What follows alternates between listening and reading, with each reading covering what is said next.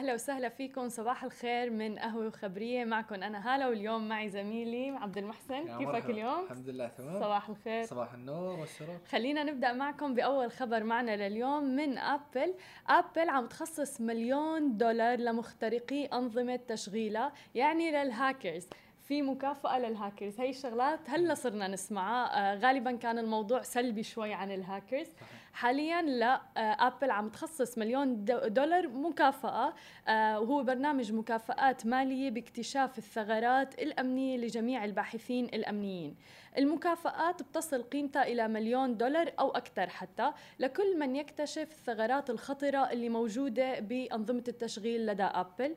آه، أطلقت هذا البرنامج أبل أول مرة بعام 2016 ويتعين على الباحثين الأمنيين تسليم وصف مفصل عن الثغرة اللي موجودة. يعني مو بس هن لازم يكتشفوا الثغرة لازم يعطوا وصف مفصل عنها وكمان تفاصيل كافية تسمح بالشركة بإعادة إنتاجها وإصلاح هي الثغرات.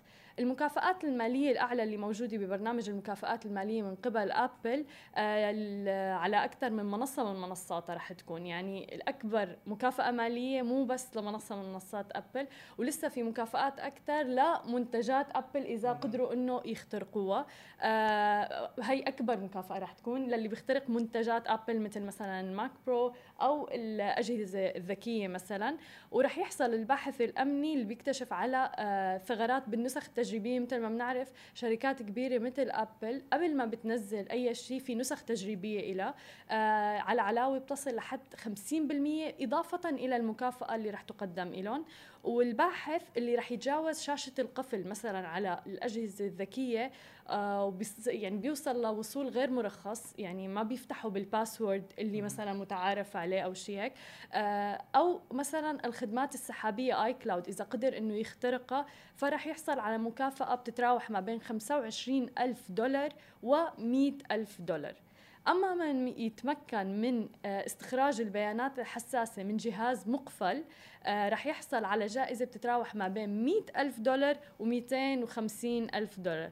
والجائزة الكبرى لمين بيتمكن من إنتاج هجمات تستولي على الجهاز من دون أي فعل من مستخدم يعني من دون أي تدخل من أي مستخدم. إذا قدر أنه يخترق الجهاز فرح يحصل على الجائزة الكبرى. وهذا التوقيت الإيجابي برنامج المكافآت بتوقع رح يكون آه، استجابة لكل التعطيلات أو كل الثغرات اللي موجودة المشكلات اللي صارت موجودة بنظام تحديدا iOS 13 فهي أول مرة كثير حلو لما عم نشوف إنه في أمور إيجابية عم تسلط على الهاكرز آه عم بيعطوهم مكافآت مالية. وبتوقع هي خطوة جدا ذكية فعلا. من أبل لحتى يكتشفوا الثغرات اللي موجودة بأنظمتهم قبل أصلا ما توصل لعامة الشعب. صحيح.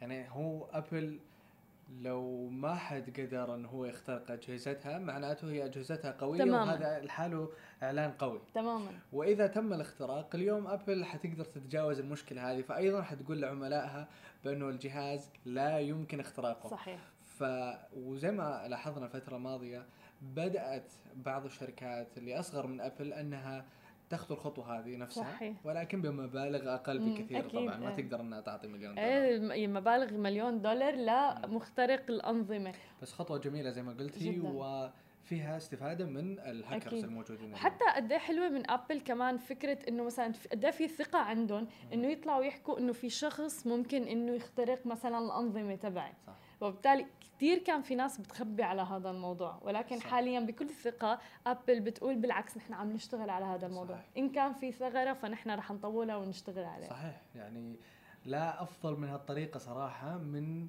في فكرة إن كيف أنت تقوين الجهاز أو ال system حقك وفي نفس الوقت أنت قاعد تجمعين عقول الناس كلها تقولي لهم إن إذا عندكم صحيح. مشكلة أنتم شايفينها علمونا بس. بالضبط. ما تبغون تعلمونا بنعطيكم فلوس عادي. تماما. واخترقونا. تماما. فخطوة جميلة وذكية وكنا نتكلم الفترة الماضية كثير في موضوع إنه كيف ممكن يتم توظيف الهاكرز. صحيح ف... فخطوة جميلة ورائعة صحيح. من صحيح. ابل صحيح. ننتقل إلى فيسبوك فيسبوك تفكر بأنها تطور نظام تشغيل خاص فيها. يعني تخيلوا إنه فيسبوك من أجهزة أو يعني زين إحنا نتكلم مثلا إنه ابل عندها نظارة خاصة فيها ومتعلقة في النظام الافتراضي والتعزيز الافتراضي. فيسبوك الآن قاعد تفكر إنها تسوي نظام تشغيل خاص فيها تطور نظام تشغيل خاص فيها. فيسبوك في وقت سابق فكرت بإنها تسوي هاتف جوال ولكن لم تنجح في هذاك الوقت. صحيح. اليوم هي قاعد تفكر إنه تسوي نظام تشغيل لأنه النظارة حقت فيسبوك مثلا معتمدة على الأندرويد. ففيسبوك تبغى تكون معتمدة على نفسها أكثر. تبدأ تتخلص من اعتمادها على نظامات تشغيل مختلفة. فيسبوك في نفس الوقت بدأت تفكر بأنها تسوي مساعد صوتي خاص فيها. هذا أحسن شيء. برافو عليهم. فعندك الآن أبل آه اللي هو سيري عندك أليكسا عندك صحيح. مساعد جوجل. الآن فيسبوك أيضا تفكر في انها هي تسوي نظام صوتي خاص فيها تعرف لأنه بالسنوات القادمة في أبحاث ودراسات أقرت إنه تحديدا ال search بالصوت رح يصير يوصل لنسبة 50% واو. فيعني هني ماشيين تماما بالطريق الصح تجاه صحيح. المستقبل وقاعدة تتعاون مع مايكروسوفت على هذا المشروع بحيث إنه تعطيها بيانات محرك البحث بينج. علشان تدرب مساعد الص... المساعد الصوتي حقها حلو. فخطوة جميلة. اليوم لو نشوف بعض الشركات بدأت تحاول أن تصير أقوى. صحيح. أنها تصير هي اللي ماسكة البرمجيات وماسكة الأجهزة وماسكة كل شيء معتمد أو خاص فيها. صح. يعني نتكلم مثلا على أبل عندها نظام تشغيل مم. عندها أجهزتها عندها تطبيقاتها. ففيسبوك اليوم تبي تخطو نفس الخطوة. فيسبوك زي ما شفنا الفترة الماضية استحواذات تطبيقات عملاقة. صارت أكثر مم، وأكثر. مم. في المقابل عندها أجهزتها. إي نعم ما نجحت بأنه يكون عندها جوالها الخاص ولكن عندها مشروع إنها تعمل على نظام تشغيل خاص فيها. فبالتالي تصير تعتمد على نفسها أكثر والمتوقع إنه يتقلص الاعتماد على أندرويد مثلا. ولكن تطبيقات فيسبوك حتكون موجودة على أندرويد بطبيعة الحال. أكيد. ولكن بتعرفين فيسبوك مثل ما أنت قلت أول شيء الاستحواذات اللي عم بتصير ولكن حتى بنشوف بتوقع هي عبره كمان من عملاق التكنولوجيا. يعني فيسبوك خلينا نقول ومواقع التواصل الاجتماعي اللي عم دائما عم بيجربوا يعني سواء جربوا مثلا إنه ينجوا مثلا أجهزة إلكترونية هلأ مثلا العملة الرقمية ولكن حتى لو فشلوا هذا ابدا ما بيوقفهم هذا الموضوع. صح. فيعني إذا عملاق كبير مثل فيسبوك صح. عم بيجرب وعم بيفشل وما زال اسمه عملاق ومكتسح الساحة. فبالتالي ليش حتى نحن الأفراد نخاف صحيح. من إنه نفشل؟ صحيح لأنه اليوم الشركات هذه تفكر بالمستقبل كثيرا. صحيح. وتستثمر كثير في الواقع الافتراضي. وعندها مشاريع في هذا الموضوع وتبغى تكون قوية معتمدة على نفسها وبذاتها. بالضبط. وزي ما قلتي في الأخير يعني إنه الشركات هذه كلها فعلا قاعد تفشل بس قاعد ترجع بمشروع آخر. بالضبط بالضبط. يعني بيشوفوا شو السوق بده وبعدين بيشتغلوا على أساسه. صحيح. حلو كتير. آه، أما هلأ خلينا ننتقل لأبو ظبي اللي دخلت موسوعة جينيس من قلب لندن عبر أكبر شاشة عرض بتقنية الواد الواقع المدمج بميدان بيكاديلي الشهير بالعاصمة آه، البريطانية لندن. اللوحة الإعلانية كان طولها بيبلغ 40 قدم وعرضت أبرز وأشهر المعالم السياحية بأبو ظبي لعشر دقائق كل ساعة على مدار أسبوعين كاملين. مو بس هيك كان في فرصة للفوز برحلة إلى أبو ظبي بالشراكة مع الاتحاد للعطلات عند التقاط المارة آه السيلفي. بتعرف نحن هلأ بعالم السيلفي. وكله آه أثناء استمتاعهم بتجربة الواقع المدمج. آه هلأ نحن شو بنقصد بالواقع المدمج أو الواقع المعزز؟ يعني الإعلان ما كان إعلان عادي كان إعلان تفاعلي. آه الناس كانت عم بتمر من الساحة وكانوا عم بيكونوا جوا المعالم السياحية تبع أبو ظبي. مثل مثلا آه، فيراري وورلد مثل ياس ايلاند ومثل مثلا معروف آه، مسجد وجامع آه، الشيخ زايد الكبير. آه، فكانوا هن جوا عم بيخوضوا هاي التجربة وعم يلتقطوا السيلفي وكأنه هن موجودين بأبو ظبي ولكنهم بساحة لندن.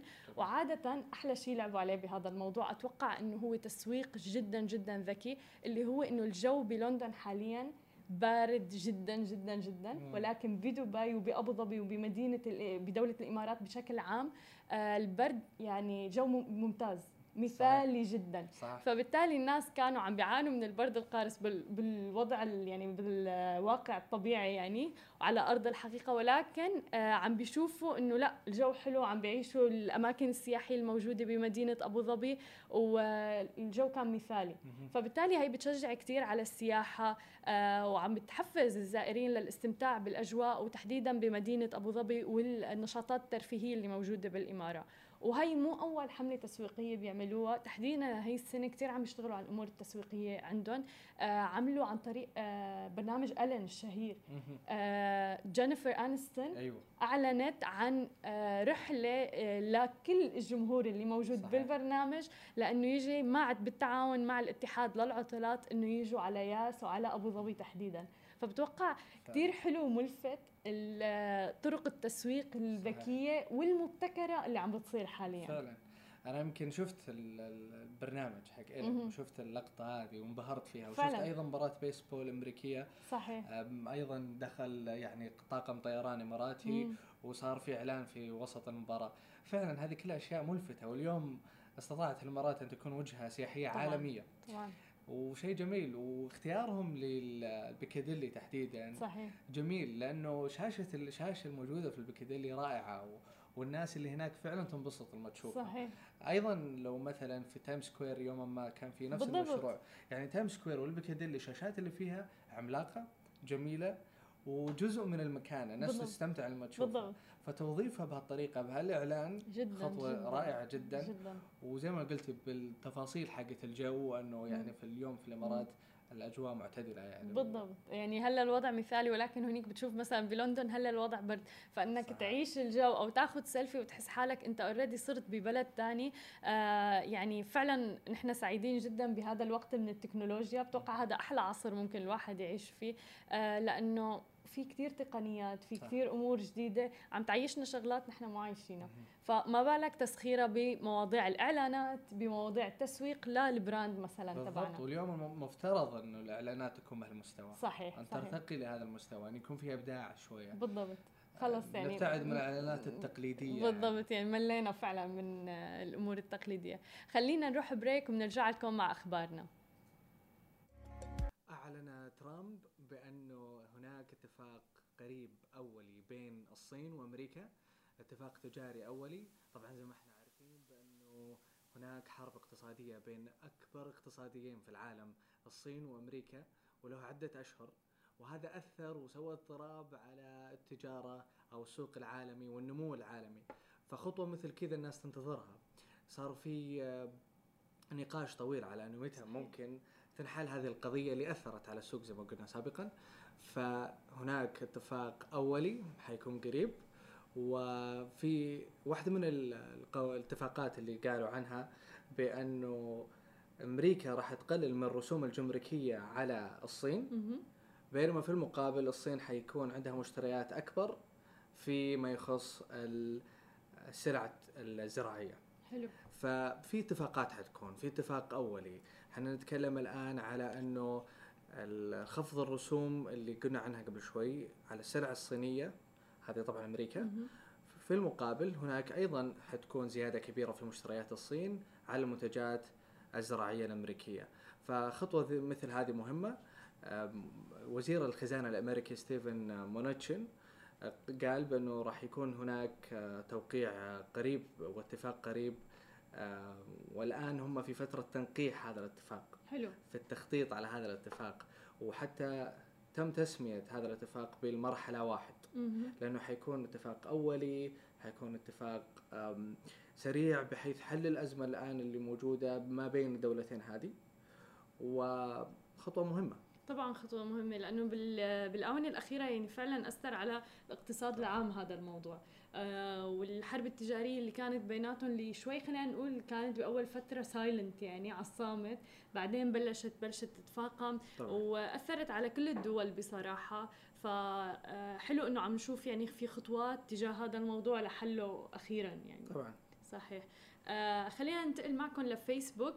فيسبوك قررت إنها توقف استخدام رقم الهاتف لاقتراح الأصدقاء. آه، قررت فيسبوك وقف استخدام الهاتف اللي بدخله المستخدم أول ما يفتح الواحد فيسبوك وبده يعمل account أو حساب على فيسبوك آه، عن تز... لما بدنا نسجل الحساب آه، كجزء من تحقيق الهوية فما عاد في مجال لأنه يحطوا الهاتف المتحرك ما في داعي له وبالتالي بتحدد فيسبوك إنه لما قبل إنه مثلا كنا نحط الهاتف المتحرك كانت تحدد فيسبوك إنه هذا المستخدم نحن بيعرف هدول الأفراد فبالتالي بيقترحهم عليك كأصدقاء. ولكن أنت ممكن بس تكون مسيف رقمهم مارين بحياتك مرور الكرام. آه وبالتالي صار الأمر شوي مزعج لأنه صار أنت طبعاً. ملزم إنك تضيف أشخاص ما. فعلا أصدقائك آه ولكن بيطلعوا لك كمقترحات على الأصدقاء طبعاً. بفيسبوك آه وفيسبوك عندها بيانات ضخمه طبعا مم. جدا ما عندنا شك بهذا الموضوع وكانت تستخدم هي البيانات منا الهاتف المتحرك بتحديد الجمهور تبع الإعلانات كثير في ناس أفراد وشركات بيعتمدوا على فيسبوك لأنها تكون المنصة للإعلانات تبعهم. لأنه جزء كتير بسيط إذا بده يعتمد على ال organic traffic على الفيسبوك. جزء كتير بسيط نسبة كتير بسيطة بتوصل للعالم فكتير في ناس بتتجه لدفع للإعلانات عليه آه وكانت. تستخدم الهاتف المتحرك فيسبوك بهذا الموضوع ولكن آه الهاتف المتحرك العناوين البريد الإلكتروني آه كلياتها لا تحدد ال- الجمهور اللي أنت حابب تعمل له الإعلان ولكن من يونيو الماضي آه وقفت فيسبوك عن استخدام أرقام الهواتف بتحديد جمهور الإعلانات. والآن القرار اللي ظهر إنه فيسبوك رح توقف استخدام الهاتف المتحرك لا أصلا حتى اقتراح الأصدقاء. آه لحماية طبعا خصوصية الأفراد.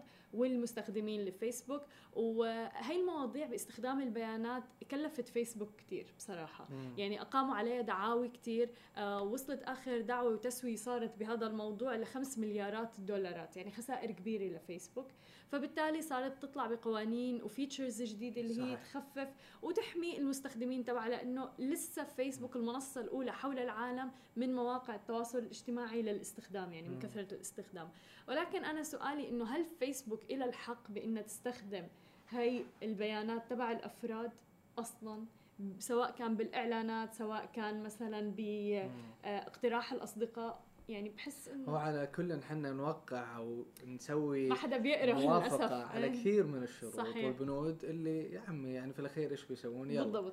بينما هم في المقابل أنت سمحت إنك أنت تكون بياناتك هذه أكيد. موجودة. صحيح. وإنها تستخدم. ولكن اليوم لو انت ما راح تقبلين شيء زي كذا إيش حتسوين؟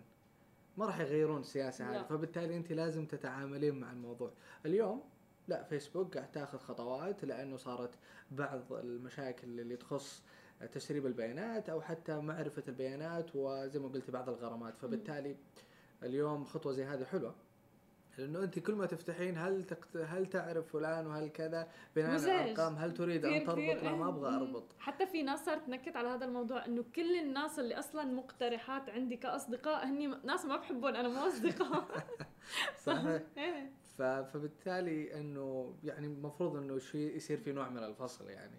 ولكن مثلا وتصير خطوة اختيارية. بالضبط. ولكن مثلا خلينا نحكي شوي على الإعلانات. يعني مثلا هل لصالح الأفراد موضوع الإعلانات إنه يستخدموا هاي البيانات. في ناس بتنظر لها.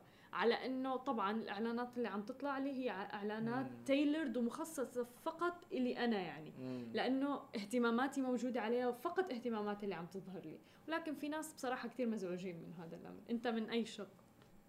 أنا بالنسبة لي في مرة أذكر إنه فتحت موقع حق فنادق في الإنترنت. وبعدين بديت أتصفح الإنستغرام فجأة لقيت إعلان عن نفس الفندق اللي أنا آه، بحثت عنه فيعني انصدمت قلت صح. السالفة انه قاعدين صح. يراقبوني ولا شو الموضوع فهو غريب إيه. بس في نفس الوقت يعني ما أحس إنه بالنسبة لي فيه مشكلة والله ولا أنا بصراحة إيه. بالعكس هلأ في كتير كتير طلع طبعا نكت على مواقع التواصل الاجتماعي آه، من ناحية مثلا إنه خلص أنا ما عاد بدي أفكر بشغله تروح تطلع لي على فيسبوك أو إذا أنا مضيع شغله مم. وبدي إياها فبحكيها بتروح تطلع لي على فيسبوك بس لأي درجة من التقنية أصلا هن واصلين ولأي درجة من صحيح. الاي اي واصلين هذا تعطي أهمية للإعلانات من بالضبط. خلال مواقع زي كذا بالضبط إنه أنا كمعلن قاعد أوصل للفئة اللي أنت تحتاجها تماما وللفكرة مو بس الفئة لل- للفكرة يعني اللي عم بتخطر له للشخص فبتروح. بتطلع له على واليوم الفيسبوك. حتى الإعلانات هذه لا لا تقتصر على الشركات الكبيرة والمهمة. ابدا. أيضا الأفراد يعني مم. كل كثير من الحسابات اليوم مخلي حساباتها اللي هي الحسابات التجارية أو. ال business وهي بكبسة زر فبالتالي بعد كذا تقدرين تسوين إعلان. تمام. ففيسبوك أو يعني الشركات بشكل عام المواقع التواصل قاعد تحاول توصل أيضا للأفراد. صحيح. وليس فقط للشركات. صحيح. فاليوم ثقافة الترويج للمحتوى الموجود على ال social media موجودة يعني أكبر وقاعد تخدم أيضا الأفراد قبل حتى ممكن الشركات. أنا هذا رأيي كمان صحيح بالضبط.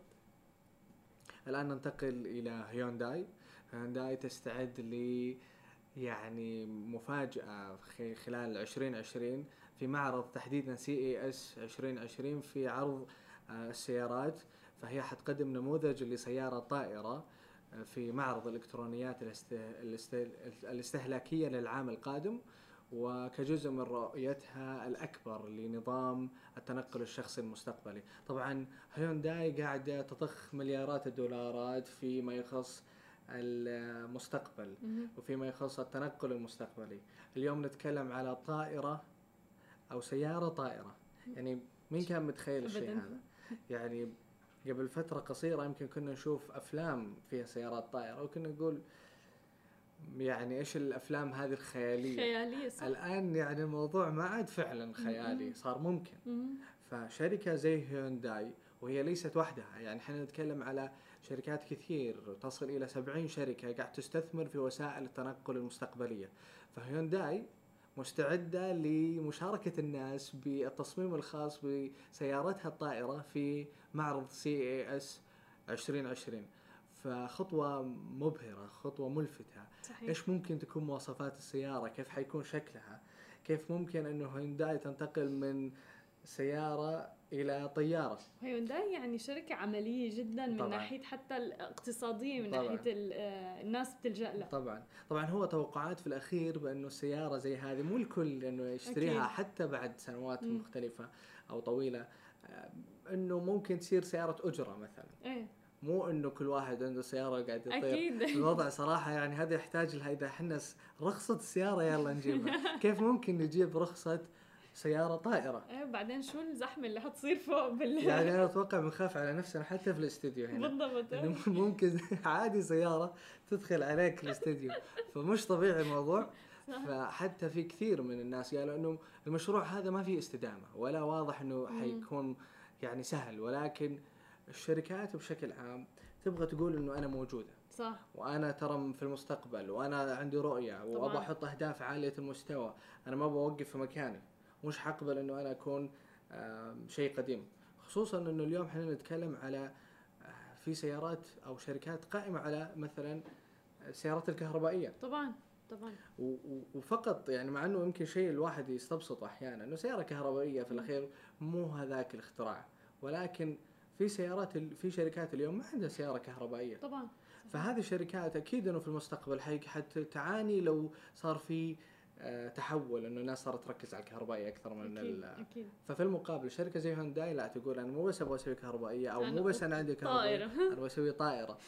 فشيء بس حتى رهيب. هون بدبي رح يطلقوا التاكسي الجوي بالسنوات القادمة فبتوقع يعني هيونداي بهذا يعني قرار صائب جدا منه مم. لأنه فعلا مثل ما أنت قلت متجهة نحو المستقبل متجهة بالمسار الصح خلينا نقول بس طبعا هل ممكن أنت مثلا يعني تمتلك أو تسوق سيارة والله طائرة هي فكرة جميلة يعني صحيح. أنت تختصرين الزحمة مم. وتختصرين كل ال- يعني الشوارع ما عاد تكفينا يا جماعة الخير يعني صار إحنا تجاوزنا السبعة مليار وقاعدين نزيد كل يوم. صحيح. ف يعني نحتاج يمكن. آه يمكن. بس أنا ما بعرف. وحلو يعني يمكن اللي؟ عنده أنا بالنسبة لي. في لحظات من حياتي قلت آه ممكن أصير طيار. آه okay. فخلص ف- إلك هي يعني. فيعني إيه.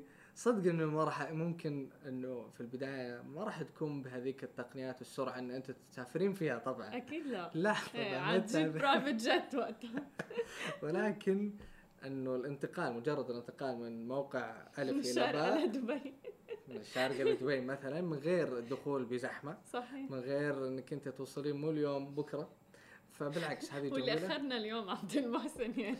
يعطيني العافية شكرا لي والأشكال. فنعم نحتاج مثل هذه السيارة ممكن ولكن أكيد إنه خطوة صحيح. مثل هذه مش مش السنة الجاية ولا لا لا أكيد إيه. ولكن مترقبين بس حلو إنه عم نشوفها يعني رح تصير على أرض الواقع يعني طبعاً. من الممكن إنه تصير كنا كثير بعيدين عن هذا صحيح. الموضوع مثل ما قلت كنا نشوف الموضوع إنه خيالي صحيح يعني بس بالأفلام صحيح بس إيه. اليوم إذا في طيارة وفي سيارة ليش ما يكون في سيارة طائرة تمام واليوم إذا فيه مثلا نتكلم برضو على الطيارات اللي تنزل البحر وبعدين تقلع إيه. فهذه كلها أشياء تخلينا صحيح. نقول أخي كل شيء ممكن. إيه، هي أنا جربت الطيارات اللي بالبحر وبعدين بتقلع. بالضبط إيه، يعني وارسلوا كانت غريبة يعني بالنسبة لي إنه كيف عم تقلع فعلا من نص البحر وبعدين بتصير أنت بالجو وبعدين بتوصل لجزيرة ثانية بالضبط فيعني كل شيء اليوم ممكن مع صحيح. ظل التقنية الموجودة. ويعني أرسلوا الناس للمريخ عشان تعيش يعني ما بيسوون طيارة أكيد. أو سيارة طائرة. أكيد. فيا. اما هلأ خلينا ننتقل معكم لاطلاق عملة تحمل اسم مدينة دبي مدينة الذهب.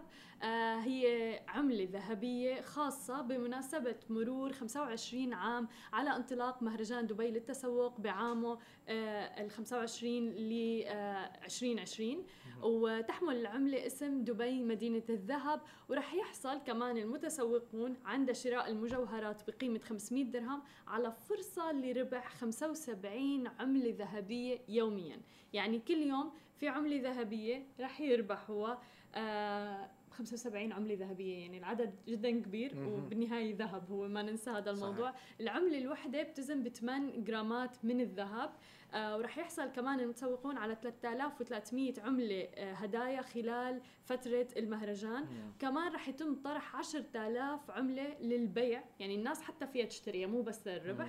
آه لزوار دبي خلال نفس الفترة اللي هي فترة مهرجان دبي للتسوق اللي بيستمر من 26 ديسمبر هذا العام آه وهذا الشهر لحتى الأول من فبراير 2020 آه مهرجان دبي للتسوق الناس بتنتظره. بصراحة الناس بتنتظره حتى من خارج البلاد. صحيح. وبوقت زياراتهم على دبي بوقت مهرجان دبي للتسوق. أول شيء الجو بجنن. ثاني شيء آه أيام زماني أنا تربيت بدبي. فكان مهرجان دبي للتسوق عبارة عن شارع. اللي. هو شارع الرقه وشارع الضيافة فقط.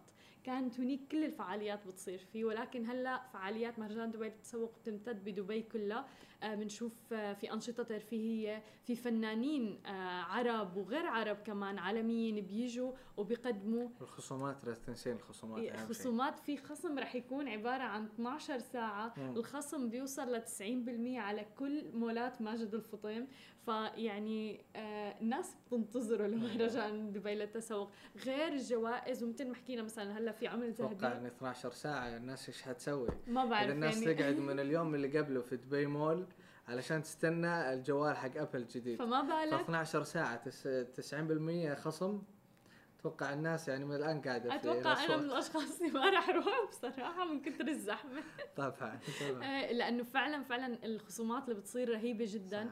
آه، هلأ أضافوا إن إحنا متعودين على مهرجان دبي التسوق إنه. كثير بيعملوا جوائز على السيارات.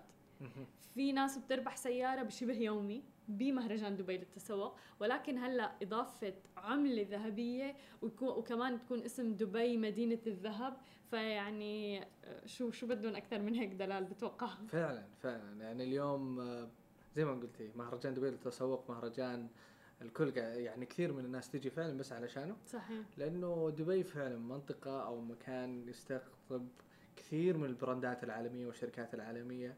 والناس تجي تحصل كل شيء جنب بعض. وباسعار يعني آه، في فترة المهرجان مم. تكون فيها بعض الخصومات. أسعار جدا مغرية بصراحة. بالضبط. صحيح. آه، هلا خلينا نروح بريك وبنرجع لكم مع أخبارنا لليوم. ظاهرة لم تتكرر منذ مئة عام على الخليج على سماء الخليج. حتصير يوم 26 ديسمبر الخميس يعني ما بقى إلا يومين وحتكون في الصباح.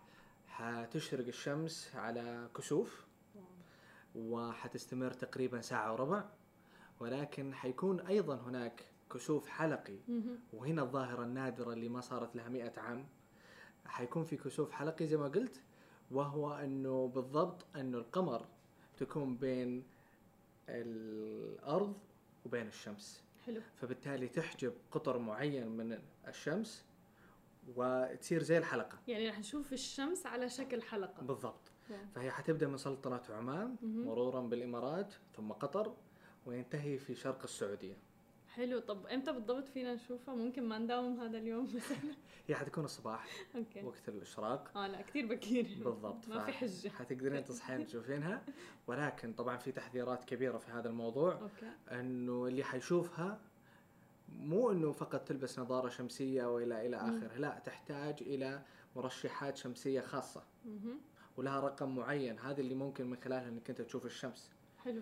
طبعا إذا أنت شفت الشمس ثواني بسيطة معدودة زي أي يوم عادي ممكن شفت الشمس ليس شرطا إنه حيصير لك شيء. ولكن لما تطالعين فيها إنه أنا لا أبغى أشوف الكسوف وهنا الإشكالية إنه أبغى أشوف الكسوف هذه ممكن تسوي ضرر على العين.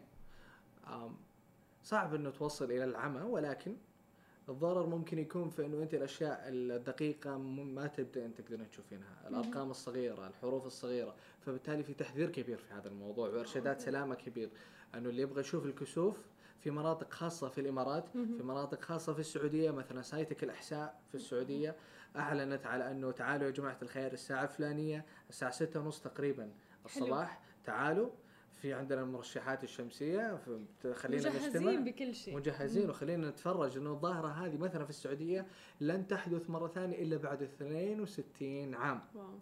فاللي حيشوفها اليوم أو يوم الخميس تحديدا. ما راح يشوفها مرة ثانية إلا بعد 62 عام. واللي ما شافها يوم الخميس مش حيشوفها مرة ثانية إلا بعد 62 عام. فبالتالي نعم ظاهرة نادرة. وليش نادرة؟ مهم. طبعا زي ما إحنا نعرف بأنه القمر يدور على صحيح الأرض بشكل بيضاوي مهم. وليس دائري بالضبط يعني صحيح. فهو بيضاوي فكل ما يدور على الأرض إلا ما يحدث أنه القمر آه، يعني يصير أمام آه، أو في في منطقة الشمس فيصير في هناك كسوف مهم. ولكن النادر وين أنه القمر والشمس والأرض يكونون على مستوى واحد. واحد صحيح. تحديدا القمر والشمس يكونون على مستوى واحد مع الأرض فبالتالي حتشوفين ال- الكسوف هذا اللي هو الكسوف الحلقي. وتحديدا ليش الكسوف الحلقي؟ لأنه في هذه الحالة القمر حتكون في أبعد مسافة باتجاه الأرض. لأنه هي زي ما قلنا بيضاوي. صحيح. ففي لها بعد أقصى وبعد أدنى. فهي حتكون في البعد الأقصى. فخليني أشرحها أكثر. لو عندك أتوقع إيه لأنه في إيه تفاصيل لو مهمة. عندك آه، قرش. كوين ومسكتيه وحطيتيه قدام عينك كذا حيحجب عنك شيء كبير من أكيد ال- ال- الشيء اللي في الخلف مهم. بس لو بعدتيه شوية حيحجب بقدر أقل مهم. فهو حيكون على مستوى واحد مع الشمس القمر ولكن حيكون في أبعد مستوى من الأرض فبالتالي مش حيحجب الشمس كاملة ففي لحظة معينة لمدة ثلاث دقائق تقريبا بس. حيصير في الكسوف الحلقي. حلو. فحنشوف الشمس على شكل حلقة. بالضبط. واو. فهذه حالة نادرة و أنا إيه أنا ما بحياتي فعلا. أنا ما بحياتي شفتها ولا يعني حتى سمعت فيها بصراحة. طبعا مو كل المناطق حتشوف ال- مهم. الحالة هذه. ولكن كل المناطق اللي ذكرناها الآن الإمارات آه، عمان السعودية آم، قطر حيكون فيها كسوف. حلو. ويعني مثلا في دبي حيكون وأيضا الرياض حيكون الكسوف تقريبا 87% مهم. يعني الشمس حتكون غائبة لدرجة 87% يعني حتصحين الصباح يوم الخميس مش حتشوفين آه إضاءة قوية يعني خصوصا لو صحيتي يعني نتكلم على وقت الإشراق. آه حلو. معناتها كلياتنا بانتظار يعني هاي الكسوف الحلقي ولكن كثير مهم موضوع السلامة والأمان. طبعاً. يعني ما أنا موضوع لأنه أنا من الأشخاص اللي كنت رايحة وبدي بصراحة طبعا. آه، يعني انظري. تتخيلي لو شفتيها بالتلسكوب لو. شفت الشمس بالتلسكوب من غير تجهيزات خاصة من غير مرشحات؟ حتى من تلسكوب. لا تلسكوب يعني أنت مو بس تشوفين الشمس أنت أبو الشمس قاعد تشوفينه. بس إنه تلسكوب فيه تدري ممكن يؤدي إلى إيش؟ لا ما تقلي عمى. اعمى لا إيه الموضوع ما إنه مو- مو إيه، سهل. إيه، لا. و- وفي الأخير إحنا ممكن نشوف الشمس في الوضع الطبيعي مم.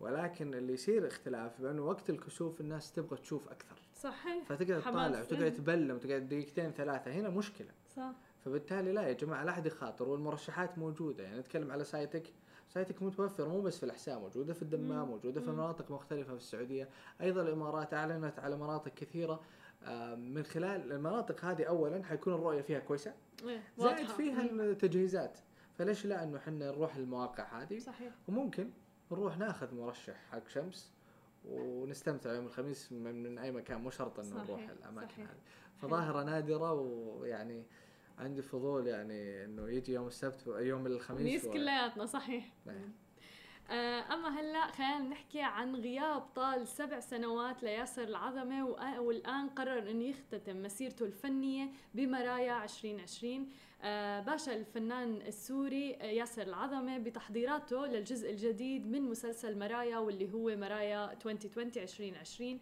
مرايا لمين ما بيعرفه هو سلسلة كوميدية شهيرة بدأت منذ 40 عام. هي عبارة عن لوحات درامية كوميدية بتحاكي الواقع وتعتمد على مبدأ الكوميديا بالمواقف. آه والجزء الجديد رح يضم آه نخبة من نجوم الأجزاء السابقة منها آه عابد فهد سلمى المصري مها المصري صفاء سلطان عبير شمس الدين وسيف الدين سباعي ووفاء مصلي وغيرهم الكثير. آه، كلياتنا تربينا على مرايا. مرايا عالجت كثير قضايا آه، بالسابق وبالسنوات السابقة. وتم التأكيد على كل أنه بهذا الجزء اللي هو 2020 مرايا 2020 رح يبتعد تم الابتعاد شكلا ومضمونا عن الأمور السياسية ورح يعالج فقط القضايا الاجتماعية والإنسانية اللي بتحاكي المواطن العربي والسوري. ودائما هو بيحمل الطابع النقدي الكوميدي. وياسر العظمي غاب عن الدراما من سبع سنوات. وكان آخر ظهور له بعام 2013 بمرايا 2013 من إخراج عامر فهد. فكلياتنا بانتظار بصراحة هذا المسلسل بعام 2020 2020 اللي رح يحل بحلته الجديدة آه، اللي رح تكون بتعالج الأمور الإنسانية الاجتماعية. آه، ما بعرف أنت كنت تحضر مرايا؟ أنا طبعا أعرفه مثل مثل أي شخص اليوم عربي. أكيد المسلسل وصل لل الخليج العربي صحيح. والمنطقة العربية كاملة. ولكن ما أتذكره زين صراحة. بس أعرف الشخصيات الرئيسية صحيح. فيه وأعتقد إنه كان شفت منه كثير بس ما أتذكر تفاصيل. لأنه من زمان كثير وبصراحة كان فعلا آه، يعالج. أنا كان من أنا وصغير يلفت لي نظري إنه كان يعالج قضايا سياسية بلهجه ساخرة. مم.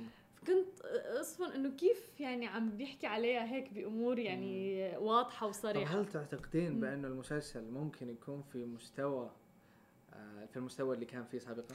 أنا هاد خوفي لأنه دائما بصراحة للأسف بيكون العمل جدا كبير ولكن لما بيغيب بعدين بيرجع غالبا غالبا للأسف ما بيرجع بالقوة اللي كان عليها بالسنوات خصوصا الظروف هذاك الوقت يعني صح. في الأخير المسلسل ممكن يكون رائع بس الظروف مو مناسبة. صحيح. يعني هو يمكن كان في الوقت المناسب جاء في هذاك الوقت.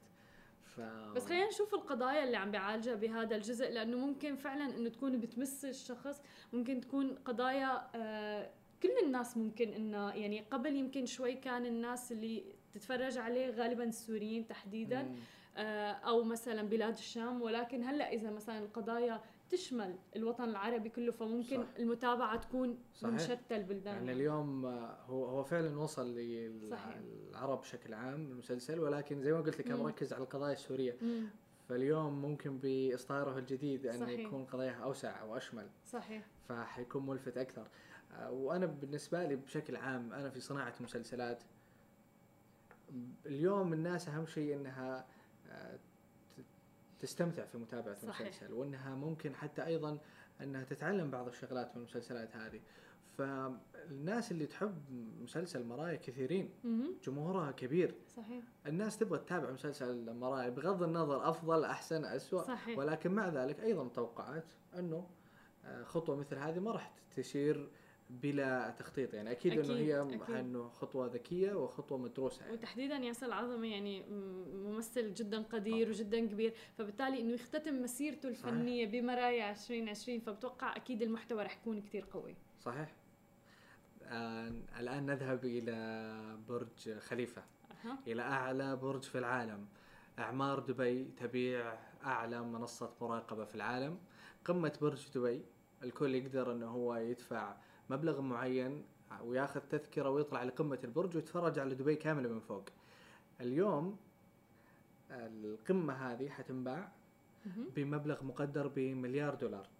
طبعا. الفترة هذه شوية في تباطؤ في سوق العقار في دبي ولكن خطوة مثل هذه خطوة ملفتة إنه ينباع آه، منصة المراقبة قمة البرج وإنه يستفاد منها. ولكن في المقابل أنت تخيلي أنه إحنا نتكلم الآن على أعلى برج في العالم طوله أكثر من 800 متر.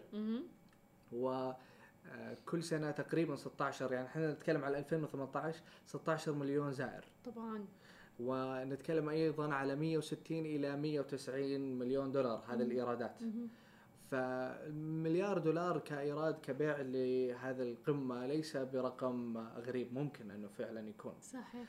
فخطوة جديدة حتكون في دبي أنه تنباع المنصة هذه ويمكن يعني كان خبر مفاجئ أنا لما شفته لأنه خطوة جديدة هذه صحيح. إنه آه، منصة مراقبة وقمة برج إنها تنباع لشركه أخرى أو لجهة أخرى يعني. صحيح. ولسه ما أعلنوا عن الجهة اللي رح تشتري. فخلينا نتابع الأخبار نشوف. خلينا نتابع خلينا نشوف مين نشوف ممكن تطورات. إيه لأنه مين ممكن يشتري يعني منصة المراقب من أعلى برج بالعالم. طبعا. إحنا أيضا يعني حلو إنه ننوه بأنه القمة هذه ممكن أيضا إنه يكون فيها استثمار جديد يعني إنه يكون فيها مشاريع جديدة طبعا. غير الموجودة الآن. مهم. يعني هي الآن ممكن تشترين تذكرة وتطلعين فوق ما أدري. إذا جربتيها. لا لسه بتعرف إنه أنا صار لي عايشة بالإمارات 24 سنة أنا لسه ما جربت اطلع على برج خليفة. أوكي. بس تجربة إنك تطلعين بشكل عام لقمة برج جميلة. لا بس لا صح طلعت أنت- على مطعم هناك. إيه. مم. وكان فعلا تجربة حلوة. واليوم انت ممكن توظفين المنطقة هذه بعدة أفكار. يعني مم. ممكن تسوي فيها مطاعم ممكن طبعا فيها طبعا. مشاريع جديدة ممكن تخلينها أيضا آه، يعني فيها كثير من ال- الخيارات غير إنه الإنسان ممكن يطلع ويروح يتفرج على المنظر من فوق. صحيح. فبالتالي آه، استثمار مثل هذه وخطوة جميلة وذكية يعني. أكيد أكيد أكيد. تحديدا يعني برج خليفة اللي الناس من كافة أنحاء العالم. تجي وأول شيء بدها تزوره يعني كزوار. صح آه هلا خلينا نروح بريك وبنرجع لكم مع فقرة أرقام وحقائق من سماشي ورجعنا لكم ومعنا فقرة أرقام وحقائق شو محضر لنا عبد المحسن اليوم؟ اليوم نتكلم على جون ويلرد. جون ويلرد كان بائع عصير في منطقة في واشنطن اسمها الكابيتال هيل المنطقة هذه معروفة يعني إن ال- السياح يجونها ومنطقة تاريخية وعليها تردد الناس خصوصا نتكلم على المواسم والإجازات. فهو جون ويلرد كان يبيع العصائر هناك. حلو. يبيعها في الشارع. وفي كشك تحديدا. والناس كانت آه، يعني تشتري منه. هو كان عنده طريقة مميزة في التعامل مع الناس. عنده أسلوب ومبتسم ويأخذ ويعطي. فالمنطقة اللي هي الكابيتال هيل اللي كان يبيع فيها العصائر لأنها منطقة يتردد لها الناس ومنطقة معروفة وأكبر حي سكني تاريخي في واشنطن خلاه يقابل كثير من الأشخاص اللي طالعين من فنادقهم. حلو. فهو أنت تخيلي أنا قاعد أبيع عصاير مم. وبعدين يجوني أشخاص مختلفين في أوقات مختلفة طالعين من فنادقهم وقاعدين يتكلمون عن الخدمة عن التعامل عن الأسلوب عن كل شيء عن هو الفندق كان يسمع هذا. هو كان يسمع مو بس يسمع قاعد ياخذ ويعطي معاهم. إنه طيب ليش؟ طيب كيف؟ طيب كذا. والناس تشتكي مثلا إنه والله الفندق يا ليته فيه الخدمة الفلانية ولا يا ليته فيه يعني الشغلة الفلانية. الذكاء اللي فهو يسمع يسمع يسمع يسمع. وكل واحد طالع يقول له والله ال- النظافة سيئة ولا الأكل مش كويس ولا ال- ال- المنطقة يعني طريقة التعامل حقت الموظفين مش كويسة. فهو دائما يسمع ويجمع هذه البيانات في ذاكرته. فاستمر جون ويلرد في بيع العصائر. وجمع القرش على قرش وفتح أول مطعم صغير. فكان عنده في هذاك الوقت مبدأ إنه أنا كيف أقدر أخلي الموظفين سعيدين؟ فكان يعطيهم جزء من الأرباح. لأنه كان. فكرته إذا الموظف سعيد وراضي حيأدي أكثر ويعطي أكثر. مليون بالمية. فبالتالي كان عنده هذه السياسة تعامله وأسلوبه الجيد. اللي يعود إلى خلفيته اللي كانت في تربية والده إلى آخره خلته يعرف يتعامل في هذا الإطار. وبالتالي قدر يسوي شراكات مع طهاة كويسين. وانتقل من مطعم صغير إلى آه، طهاة وإلى ناس آه، استقطب أشخاص كثير في هذه التجارة وفي هذا ال business آه، على مستوى عالي. ثم بدأ يعني حتى يدير الكثير من خدمات التغذية في كثير من الوزارات الحكومية في أمريكا. بعد هذا كله بعد التجربة هذه كلها قرر جون ويلرد جون ويلرد ماريوت. okay. اسم جدا معروف يعني. طبعا. طبعا أنا خليته ال- إلى الآن لأنه لو قلت ماريوت من البداية معروف. جدا. معروف. من ماريوت. أشهر العلامات الف- الفندقية وفي المنتجعات أيضا. صحيح. فبالتالي آه، قرر إنه هو يسوي فندق. وأول ثلاثة شهور تجريبية ما خلى أي أحد يسكن إلا من أقاربه وأصدقائه. وكانت بمبالغ زهيدة جدا. وكان حاط ورقة بالغرفة وكاتب اكتب رأيك بصراحة في مستوى الخدمة هنا. نعدك ان نلبي مطالبك عند زيارتك في المرة المقبلة. واو يعني احييك فطبق الفكرة. مهم. وكان أصلا من أول يوم فاتح في المشروع هذا كان يقول بأنه أنا أبغى أقدم آه، شراشف نظيفة. مخدات نظيفه أكل جيد خدمة ممتازة تعامل جيد تجي أنت مبسوط تطلع وأوريدي مبسوط. أصلا سمع كل الناس بالضبط. الشغلات اللي اشتكت عنها. فوقها ما نسى إنه أنا إلى اليوم حتى بعد ما أسوي كل شيء ممتاز إنه أنا أضع ورقة وأستمع للناس وأطبق. مو إنه والله يعطيكم العافية إيش عندكم شكوات عشان أخليكم تفرغون؟ سلام عليكم. لا طبعا. أنا أطبق. فبالتالي كان ثلاثة شهور ثلاثة شهور تجريبية وبمبالغ زهيدة وأصدقاء وعائلته فبالتالي حيكونون صادقين معاه. مم. مش حيجاملونه. كانوا يذكرون جميع التفاصيل على هذه الورقة. وبعدها افتتح آه، أول فندق له في الثلاثينات. حلو. فاليوم طبعا لما افتتح الفندق هذا افتتحه بعد ما سمع وطبق كل الاقتراحات وكل الشكاوي اللي كانت في الثلاث شهور تجريبية. فمهم اليوم إنه إحنا ما ننظر إلى تجارب الآخرين فقط على أنها تجارب لا نستفيد منها. طبعا. وش الأخطاء الموجودة فيها إحنا ما نعيدها. وإنه نسمع إلى الناس لأنه في الأخير بزنسنا أو التجارة حقتنا أو أي مشروع موجود هو قائم على الآخرين ولو. بالضبط. فأنت لما تسمعين الناس وتشوفين اقتراحاتهم بالعكس ترى هم ممكن يسوون لك عصف ذهني كويس. طبعا. أيوه حيجونك ناس عبيطة حيجونك ناس يعني أي كلام وخلاص. وأنا ما عاجبني كذا ما يعجبهم شيء. صحيح. بس في الاخ في المقابل حيجون ناس فعلا عندهم اقتراحات ومقت... و يعني إضافات ممكن تسوينها وأيضا شكاوي لو ما صلحتيها مشروعك ممكن ينتهي. أكيد لا اليوم شك. كم مطعم مثلا على سبيل المثال فتح؟ وأول ما فتح الناس كلها ووو. راحوا كلها. راحوا كلهم وصار ازدحام وتسمعين عن المطعم هذا في كل مكان. بس بعدين؟ طفى. فعلشان كذا أنا بالنسبة لي دائما أقول لو عندي بزنس صحيح. أبغى يكون عادي في البداية. مو عادي إنه مش كويس مم. عادي إنه ما في ذاك الزحمة. صح. أبغى يكون يتردد عليه اثنين ثلاثة بكرة يصيرون خمسة اللي بعده يصيرون عشرة.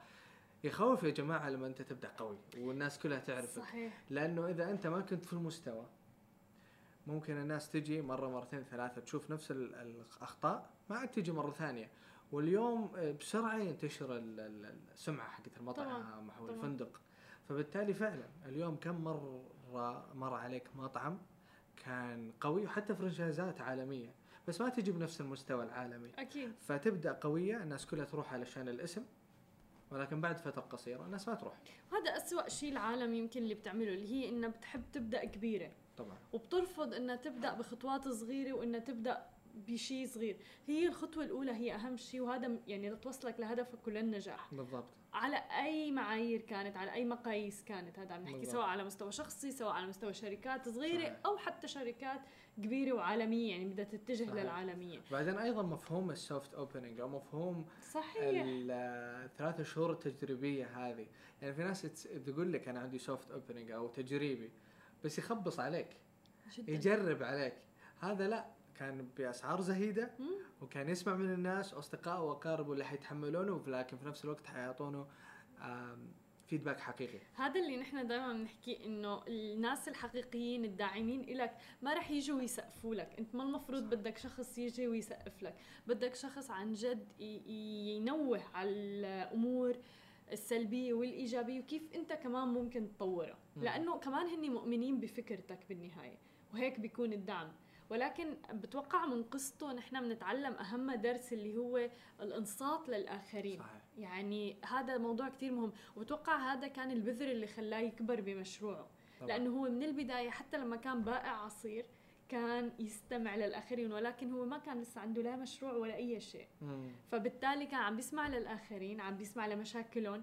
وهذا قد إيه اختصر عليه كمان وقت صح. لحتى إنه ما يمر بنفس الأخطاء اللي مر فيها غيره. صحيح. وهون بيجي دور المنتورز هون بيجي دور الكتب.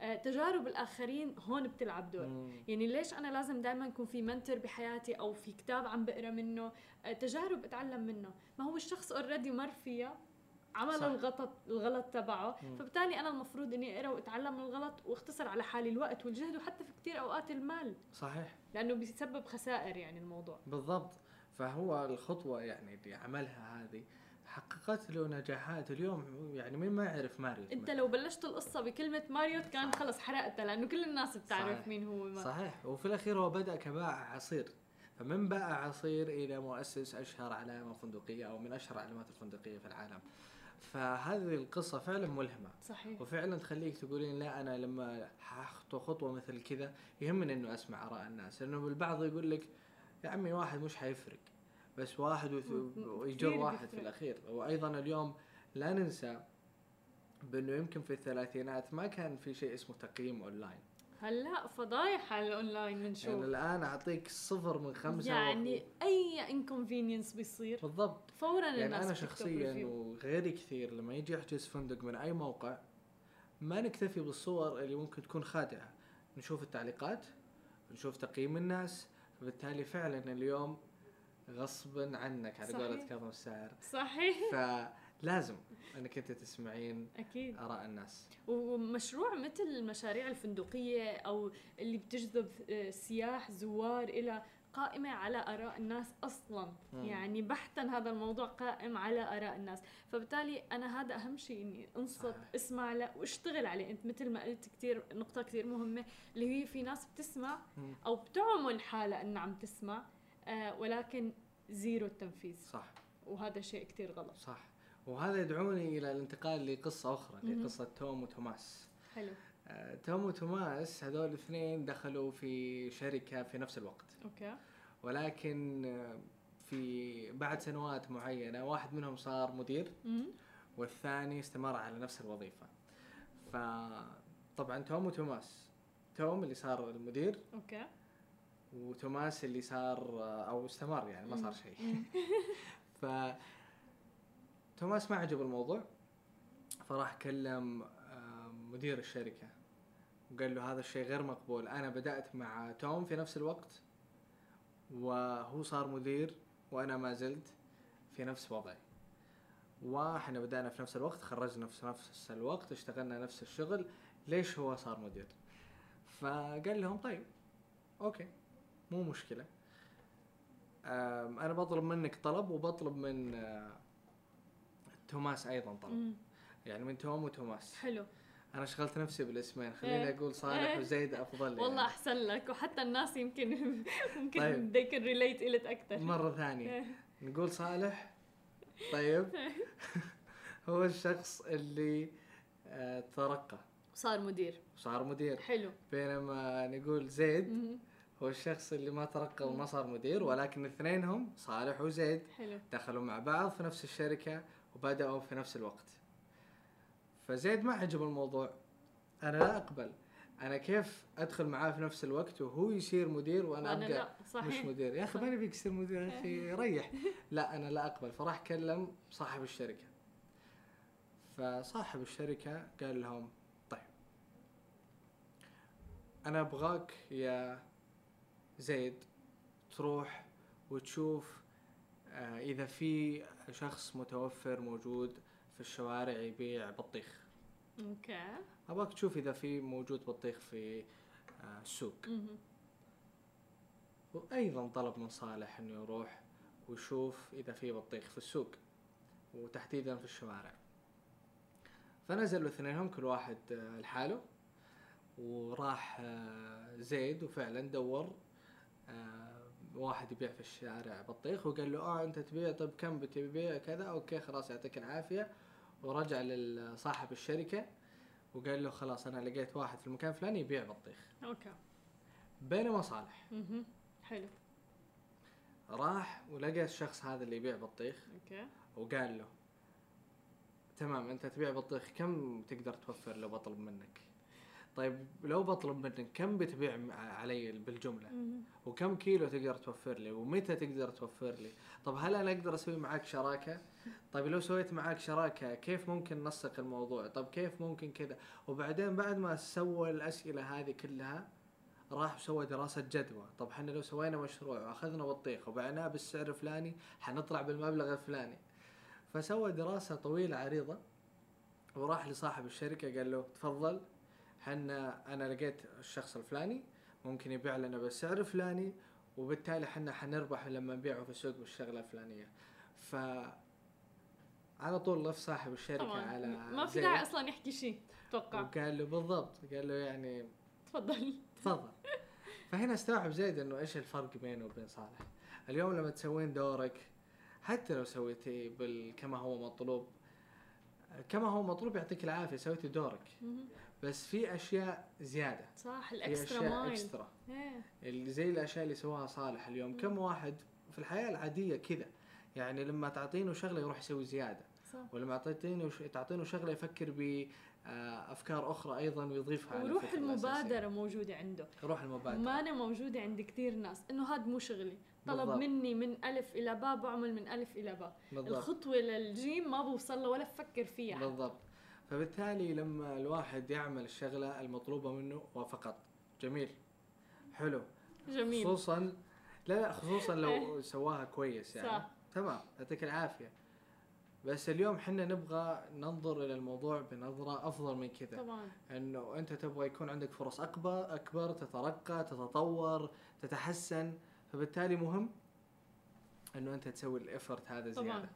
المجهودات الإضافية. هذا اللي بيميزك عن غيرك سواء كان بمضمار العمل إذا بدنا نحكي كموظفين خلينا نقول وحتى إذا بدنا نحكي بالمدرسة وبالجامعة يعني شوف من أي مسيرة أنت المفروض تكون متميز بعملك وعم تعمل الإكسترا مايل خلينا نقول.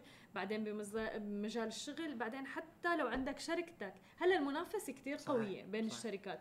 فبالتالي إذا الشركة ما عم تنظر لك خطوات لقدام ما رح يوصلوا لأي مكان. ابدا ابدا ابدا رح تكون يعني المنافسة جدا حادة وجدا قوية فبتوقع إنه هاي عبرة لكل شخص كل شخص ممكن إنه يتعلم صحيح. منها لأنه حتى نحن حكينا بمجال العمل هلأ ممكن إنك تستبدل بأشخاص ممكن يشتغلوا freelancers عن طريق websites مثل كثير websites هلا. موجودة شهيرة جدا اونلاين بيعمل نفس الشغل اللي انت عم تعمله بسعر جدا قليل وبسعر جدا زهيد صحيح. فبالتالي استبدالك جدا سهل مم. إذا كنت عم تعمل شغلك مثل ما هو مثل ما هو مطلوب منك مم. ولكن شو القيمة المضافة اللي انت عم تضيفها للشركة اللي انت فيها صحيح هون هذا اللي بيلعب دور. وبتوقع حتى الاتيتيود تبع الشخص طريقة تفكيره آه إيجابي بيترك انطباعات بالشركة آه بيعمل هاي الخطوة الأكسترا صحيح. هو اللي بيلعب دور كبير وأيضا اليوم دعوة أيضا ل إحنا نتكلم على صالح وزيد بس أيضا في المدير نظرة المدير وتعامله. الحكيم مع الموقف أيضا كان جميل. فإنه أنا حق حفسر لك مم. وأيضا نظرة إنه اللي اللي يعطي دور أكبر من الدور المطلوب منه صح أيضا يكافئ طبعا وهذه ف- كلها مهمة في أي مشروع. أكيد لأنه يمكن مدير غيره كان اجى وطلع نظر للموضوع على إنه آه، هو بيستاهل أكثر الله معك مثلا إيه. بك- بكل بساطة صحيح. يعني. آه، بينما هلأ لقنوا الدرس يعني لزيد توقع ما حينساه بحياته ونحن ما حننساه بحياتنا كمان. صحيح صحيح. ولكن هو فعلا موضوع جدا ملفت سواء إذا بدنا نرجع لماريوت سواء بدنا نربطه بهذا الموضوع. حس المبادرة جدا مهم. الفضول أنا بتوقع من ال- الصفات والسمات اللي لازم تكون موجودة طبعا. سواء كان رائد الأعمال أو مين طبعا. ما في بده الأخير يتميز شوفي المبادرة هذه مو شرط إنها هي تتسوى لأنه أنا أبغى أكون مبادر. طبعا. أنا ممكن أسويها لأنه أنا أبغى أفهم أبغى أعطي. أكثر. يعني أصلا هي صفة موجودة أصلا الناس عند اللي بعض الناس. بدهم يبادروا لمجرد يبينوا إنهم بيبادروا آه، هي مرحلة من الوقت فقط بالضبط. ورح تزول لأنه هن حيملوا. وبعدين أنت مستفيد اليوم لما أنت تعرف أكثر من طبعاً. المطلوب وتؤدي أكثر من المطلوب.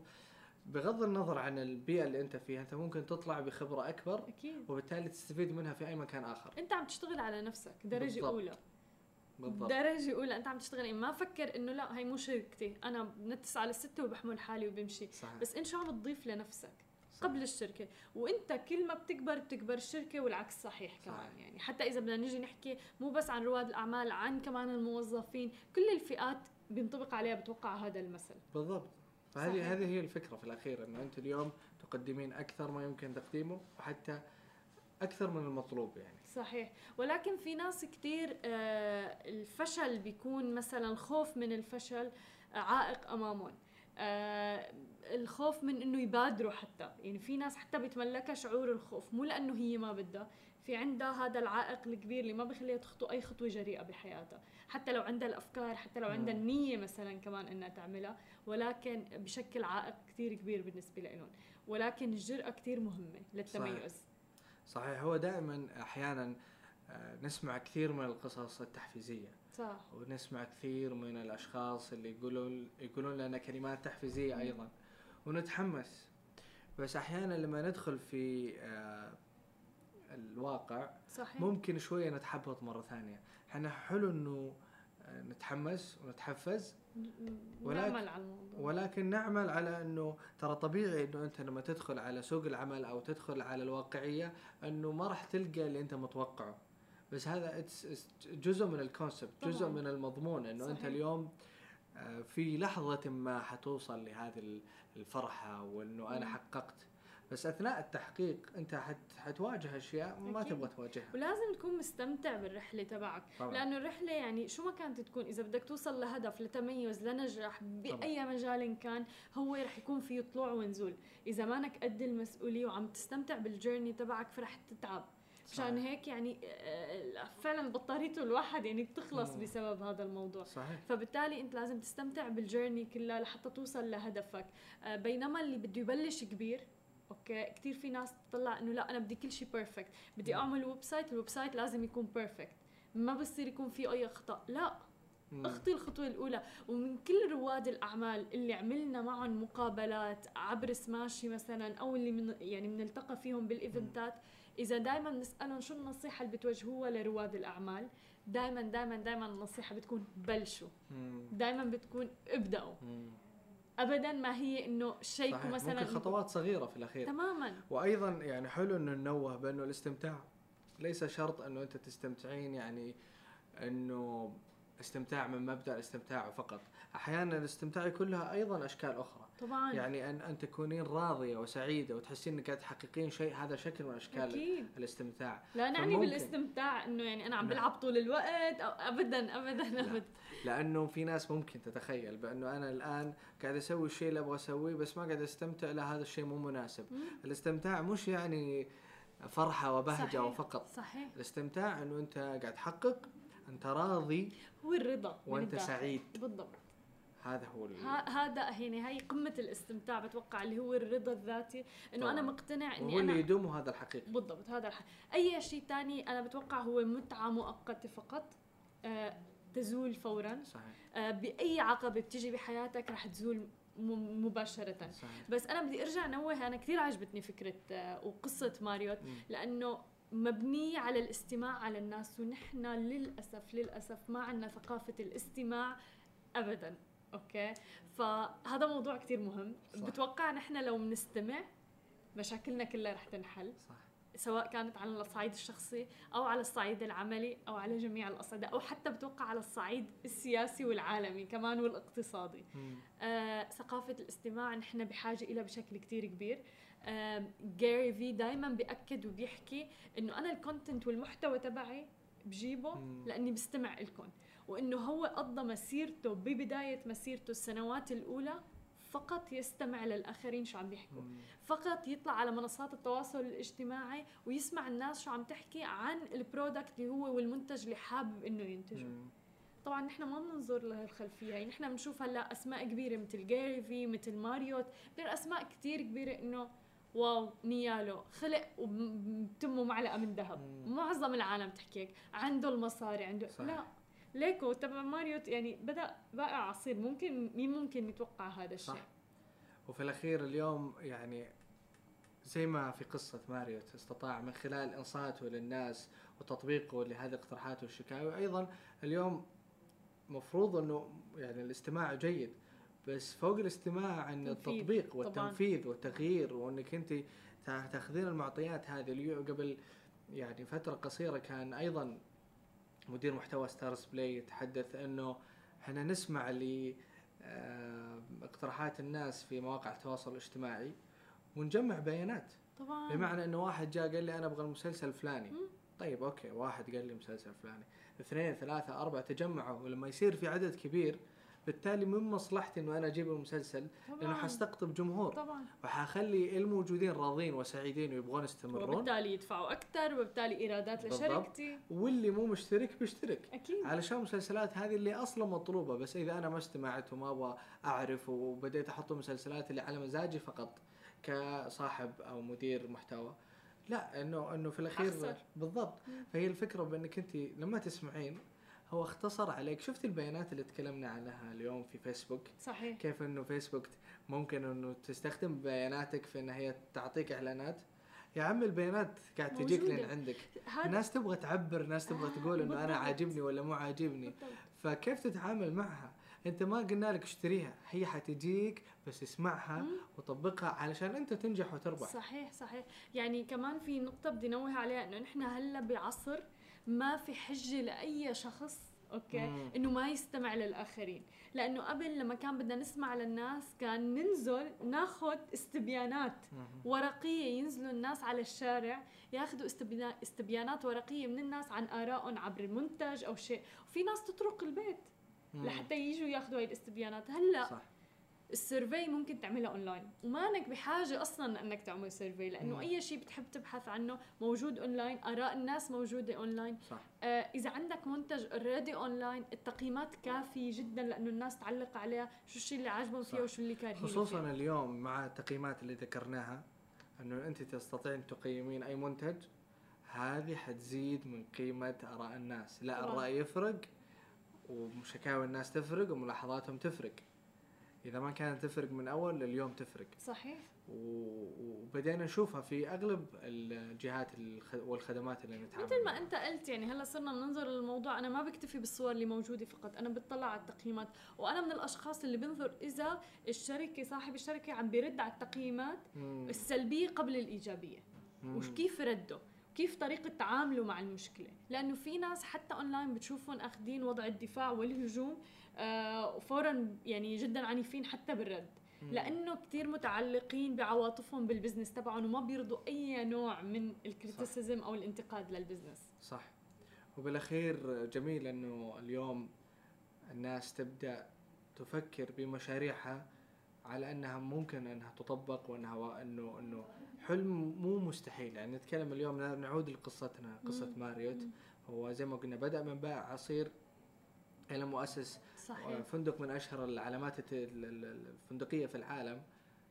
كل شيء ممكن. إي نعم صعب. إي نعم في تحدي. بس زي ما قلنا هذا جزء من الرحلة التحدي هذا. وفي الأخير آه ما في شيء كبير ومهم حيكون بالسهل يعني. أكيد أكيد. ما فيك تبدأ كبير. نبدأ بالخطوة الأولى وابدأوا وبعدين هي الخطوة بالضبط. الأولى الطريق للنجاح. آه، شكرا كثير لك عبد المحسن. كثير استمتعنا اليوم بالفقرة يعني ملهمة للجميع. آه هاي كانت فقرتنا اليوم أرقام وحقائق وأخبارنا لليوم. آه بنشوفكم بكرة بنفس الموعد. وهلأ في segment عن الصحة العقلية وقديه مهمة ت- تحديدا في مجال حياتنا العملية ولتحقيق الرضا والسعادة. تابعوها ونحن بنشوفكم بكرة. العالمية للتسامح بدبي. معنا كريم بوري مستشارة بعلم ال happiness والسعادة ومدربة كمان. أهلا صح. وسهلا فيك أهلا فيكي. آه، خبرينا اليوم كنت عم تحكي سبيكر عن آه، علم التسامح والسعادة وقد إيه مهم الواحد يفهم آه، طبيعة جسمه طبيعة حاله يعني لحتى يأثر على سواء العمل بيئة. العمل ونجاحه للشخص. مزبوط. آه إيه أنا كثير بحب ركز على العلم لأنه بفتكر العالم عم تنسى إنه نحن عن جد عجيبة. نحن عجيبة يعني كيف تكوننا آه، أعضائنا كل شيء وكيف كيف جسمنا بيشتغل كيف دماغنا بيشتغل. هيدا شيء شيء ريلي شيء بجنن و آه، يعني ولازم الواحد آه، يحط الضوء على هذا الموضوع كثير فاللي عم بلاقي المشكلة إنه العالم آه عم تنسى آه إنه نحن وقتها بنكبر آه نختبر أشياء يمكن مش منيحة صحيح. نزعل آه بيصير عنا trauma بحياتنا وهيدا ال trauma ب- بيفوت بقلب آه ال memories تبعنا صحيح. وبعدين بنكبر وبناخذ هالميموريز معنا وبتتطور معنا وما من آه، ما عم نشفيها صحيح ف وكل هالأمور بتصير بتطلع وقتها بنصير نتعامل مع غيرنا فتخيلي آه، عقد الناس صحيح. آه، وعقدك. أنت بيصير في كلاش صحيح. كثير فإذا الواحد ما بيفهم مم. كيف الإنسان هو كيف يعني كيف دماغنا بيشتغل أو إذا قال حي... آه، يعني قال مثلا كلام مش منيح صح الواحد لازم يعرف يسامح يقول you know what يمكن معصب يمكن. ماني مزبوط يمكن جاي متضايق من شيء. أنا لازم طول بالي والكلام اللي اللي انقال عني أنا مش مزبوطه يعني وبعرف هالشيء. وإذا أنا واثقة من حالي ما بأمن بهيدا الكلام. فبصير أنا هون بضبط على حالي. بقول you know what هو شوي تعبان آه. معصب خليني خلينا you know نتنفس شوي ونرجع على الحكي بالاحترام حلو. يعني هون بدنا نرجع كمان إنه نشتغل على إنه كيف نحترم بعض أكثر وكيف نستعمل الحكي أكثر واللغة آه، للتعامل ال- الاحت- يعني بال- بالاحترام حلو طب والتسامح بتوقع هو كمان سلام داخلي لازم يعيشه الواحد. صحيح. يعني هي قناعة كمان داخلية سلام داخلي إيه. شو ممكن ال practices اللي الواحد يعملها لحتى يوصل هيك خطوة بخطوة لهذا النوع من التسامح إيه. وهو عن جد خطوة خطوة يعني بده شغل وبده وقت ال type of exercises اللي فيك تعمليه هو اللي هلا أكثر شيء أنا بفكر فيه هو ال meditation. طبعا تأمل صحيح. يعني عن جد يعني أو الصلاة أو ال meditation. ف اللي شو عم بيصير هون؟ عم بت آه، عم بت يعني you're stimulating إيه. you're stimulating حفزي مخك. عم بتحفزي إيه. neuro صح. chemical بدماغنا اسمه السيروتونين. صحيح. السيروتونين غير عن ال dopamine. yes ال dopamine آه، بيجي من السكر وبيجي من الشوكولا و...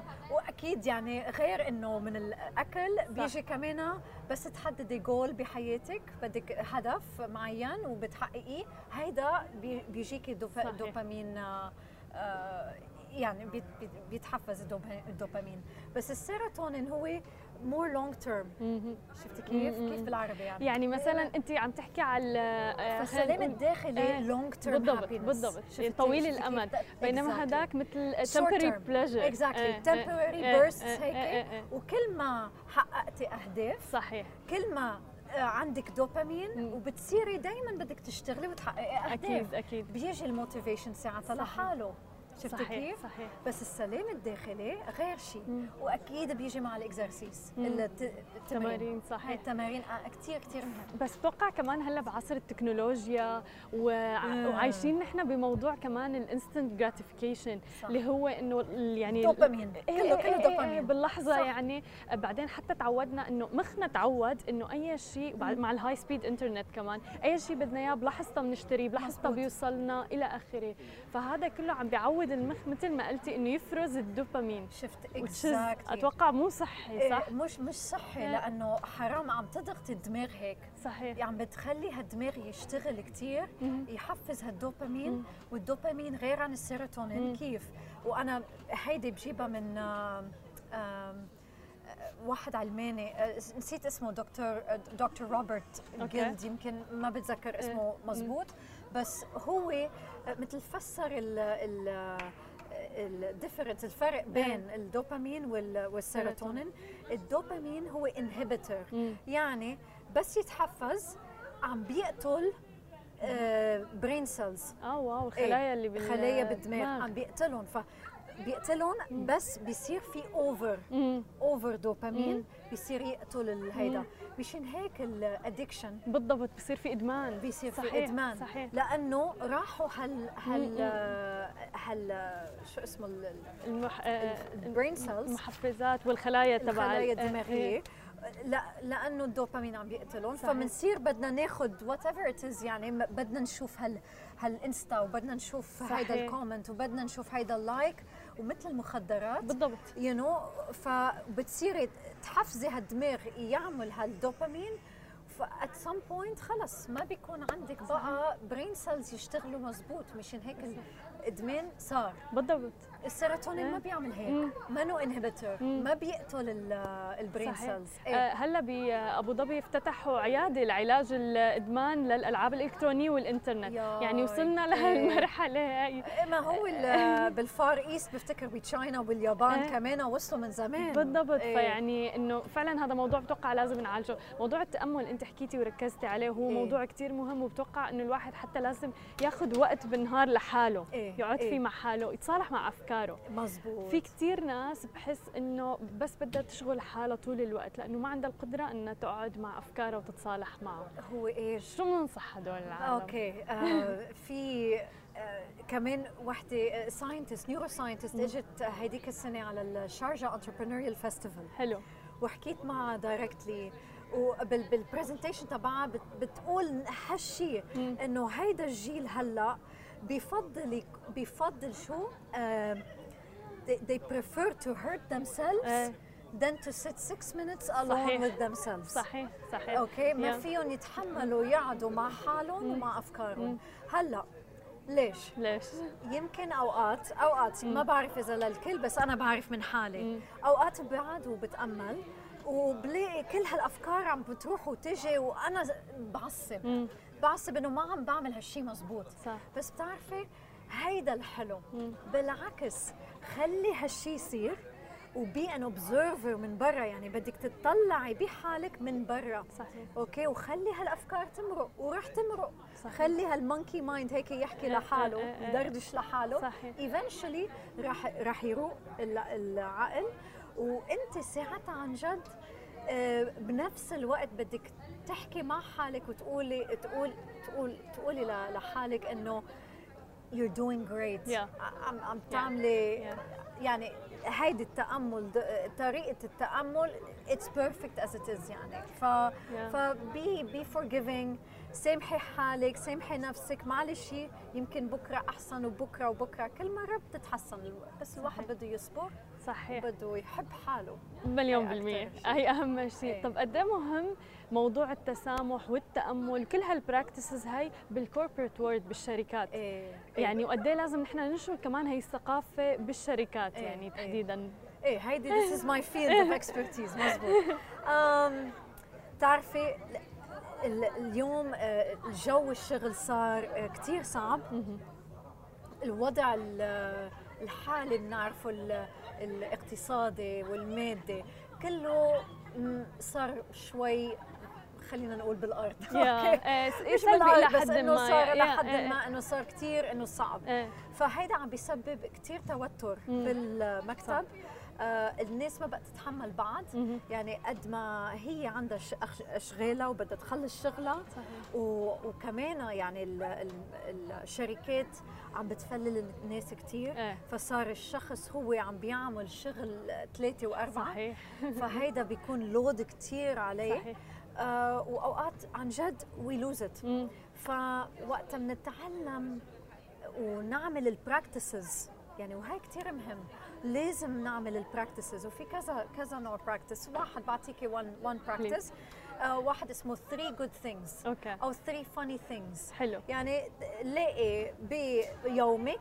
ثلاث أشياء حلوة صارت بيومك. حلو. أوكي؟ وبس فسريها ب آه، بتفاصيل بتفاصيل إيه، يعني إيه. مين كان. وشو كان عم بيعمل وليش انبسطتي هالقد و- و- و- و- يعني صحيح. شو صار بدك تعيشي هال moment هيدي. كل مرة هاي one وتاني واحد وتالت واحد وإذا بتعودي حالك كل يوم على هيدا النمط انت بتصيري يعني صار stress بالمكتب ما بقى انت صح. عم تتجاوبي بقى صحيح. لهال stress. لأنه صرتي تفهمي إنه it's stress yeah. and it has nothing to do with me ما Yeah. خصني يا أنا يا متصالحة متسامحة مع ذاتك exactly إيه. بس هيدا بده شغل صحيح. وهيدا بده وقت Yeah. الواحد بده يصبر صحيح ما إيه. هو مشان نحكي هيك حكينا يمكن خطوة بخطوة والواحد في ناس تفكر إنه كبسة زر ما أنا هي- بدي أعيش no، ما بسلام شي- داخلي ما في شيء من هالنوع ابدا صحيح. يعني أنا كمان عم جرب آه، عندي شغلي عندي my business هلأ وعم جرب حاول إنه ينجح. بالضبط. بس بده خطوة ورا خطوة. خطوات خطوات. هلأ ليش مهم هيدي بالمكتب؟ لأنه بالآخر بدنا نخلص الشغل. صحيح. بدنا we have to deliver on our projects. شفتي كيف؟ فهيدي الكوبريشن كثير مهمة. التعاون مع البعض. بنكون aligned. كيف aligned؟ صح يعني إنه متماشيين على نفس على نفس الخط. وكمان نفهم قوتنا. صح. هاي مهمة. مم. لأنه في ناس مثلا عم بيعملوا شغل في واحد تاني أو وحدة تانية عم تعمل نفس الشغل. طب طب ليه هال repetition يعني صحيح. عم بتضيعوا وقت عم بتضيعوا resources لا تعالوا يا جماعة عدوا مع بعض. آه، أنتوا شو شو نقاط وين القوة ونقاط الضعف تبعكم. صحيح وين. نقاط قوتكم. وكيف فينا نستعمل هالنقاط بالشغل؟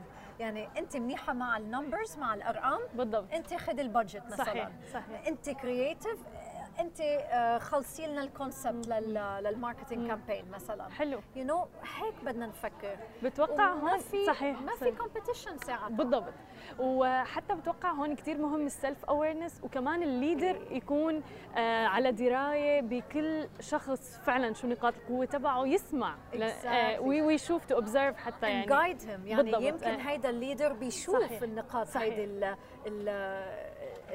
نقاط القوة مم، وال- مم. القوية والضعيفة. فكتير مهم كمان ال leader هو يكون ال compass هو يكون ال guide صحيح بالضبط you know بالضبط. وهو يكون المايسترو هو يحطهم مع بعض. تماما. بس كمان بدك leader بيفهم بهالمواضيع. بدك leader كتير self aware صحيح. وما في كتير leaders هيك. للأسف مشان هيك إيه. يمكن كثير بيركزوا على موضوع إنه the most successful people أكثر الناس نجاحا بالعالم هن اللي بيعملوا meditation خلال يومهم. يعني بيعملوا exercises بالضبط. اللغة طبعا morning مثل ما قلتي. مهمة إيجابية. إيه. آه فال vocab I think it has absolutely يعني مثلا عندنا exercise أنا بعملها في one is non-violent communication so مم. التواصل بلا عنف. حلو. كيف تتواصلي مع الناس بدون ما تستعملي آه، كلمات تأذي؟ أو أو trigger. يكونوا كلمات trigger يعني إيه. يمكن ما ما تاذيكي أنت بس صحيح. يمكن يأذي. غيرك لأنه آه، أو تستفزه أو تستفزه إيه، إيه، اكزاكتلي إيه، لأنه هو اختبر الحياة بغير طريقة صحيح. منك صح؟ صح في كمان uh, another uh, another exercise بنعمل لهم اياه how to provide negative feedback positively حلو? ممتاز very So interesting these are the things we do هذه إيه. الاشياء اللي بنعملها وبنساعد العالم إنه كيف تستعملهم بس again بدها commitment صحيح. بدها إنه الشغل صحيح. لازم يشتغلوا ولازم يآمنوا إنه هالشيء بيمشي صحيح وببلشوا يشوفوا النتائج على أرض الواقع إيه بس Yeah. بدهم يطولوا بالهم كمان. لأنه دي هيدي change of habit بالضبط وصار لها قد إيه أعمار يعني في منهم هدول ال habits من أجيال أجيال of. أجيالنا موجودين. فينا بالضبط بالجينات تبعنا موجودين فلازم نحن نكسر هي ال- خلينا exactly نقول have to be so aware مم. انت. من نفسك بدك بدك آه، تكمشي حالك عم تعملي الغلط. صح بالضبط. وت- وتقولي oops sorry أنا قصدي هيك. بالضبط. تحديدا know؟ يمكن كمان الفرق بين ال- اللاوعي تبعنا وهي هي- قصة ثانية وال limiting beliefs اللي نحن عنا اللي موجودة من يعني بس هي بس وحكيت. أنا كمان بال speech عن ال cognitive biases ما بعرف كيف نترجمها بالعربي بس إنه هي أشياء مثلا آه وحده منهم اسمه negativity bias شو هو ال negativity bias هو إنه مثلا كنت بأوضة آه، تسعة أشخاص حاملين ورد آه، ورد okay؟ وفي شخص واحد حامل فرد. مم. مين تطلعي؟ صح. بال- بالشخص اللي حامل إيه، فرد. إيه. فنحن geared يعني إنه دماغنا مبرمج نشوف الاشياء ال negative أول شيء. وهيدي لأنه مم. كل عمرنا وكل كل الأجيال اللي قبلنا كان back in the cave man days. كمان كل شيء كان survival it was. about surviving finding food finding safety بدنا الأكل وبدنا ال- الأمان. صحيح. هالأيام لا عنا الأكل وعنا الأمان. يعني أوضاعنا تحسنت كثير في استقرار. وال data. وال data proves it. so اليوم نحن بدنا السعادة.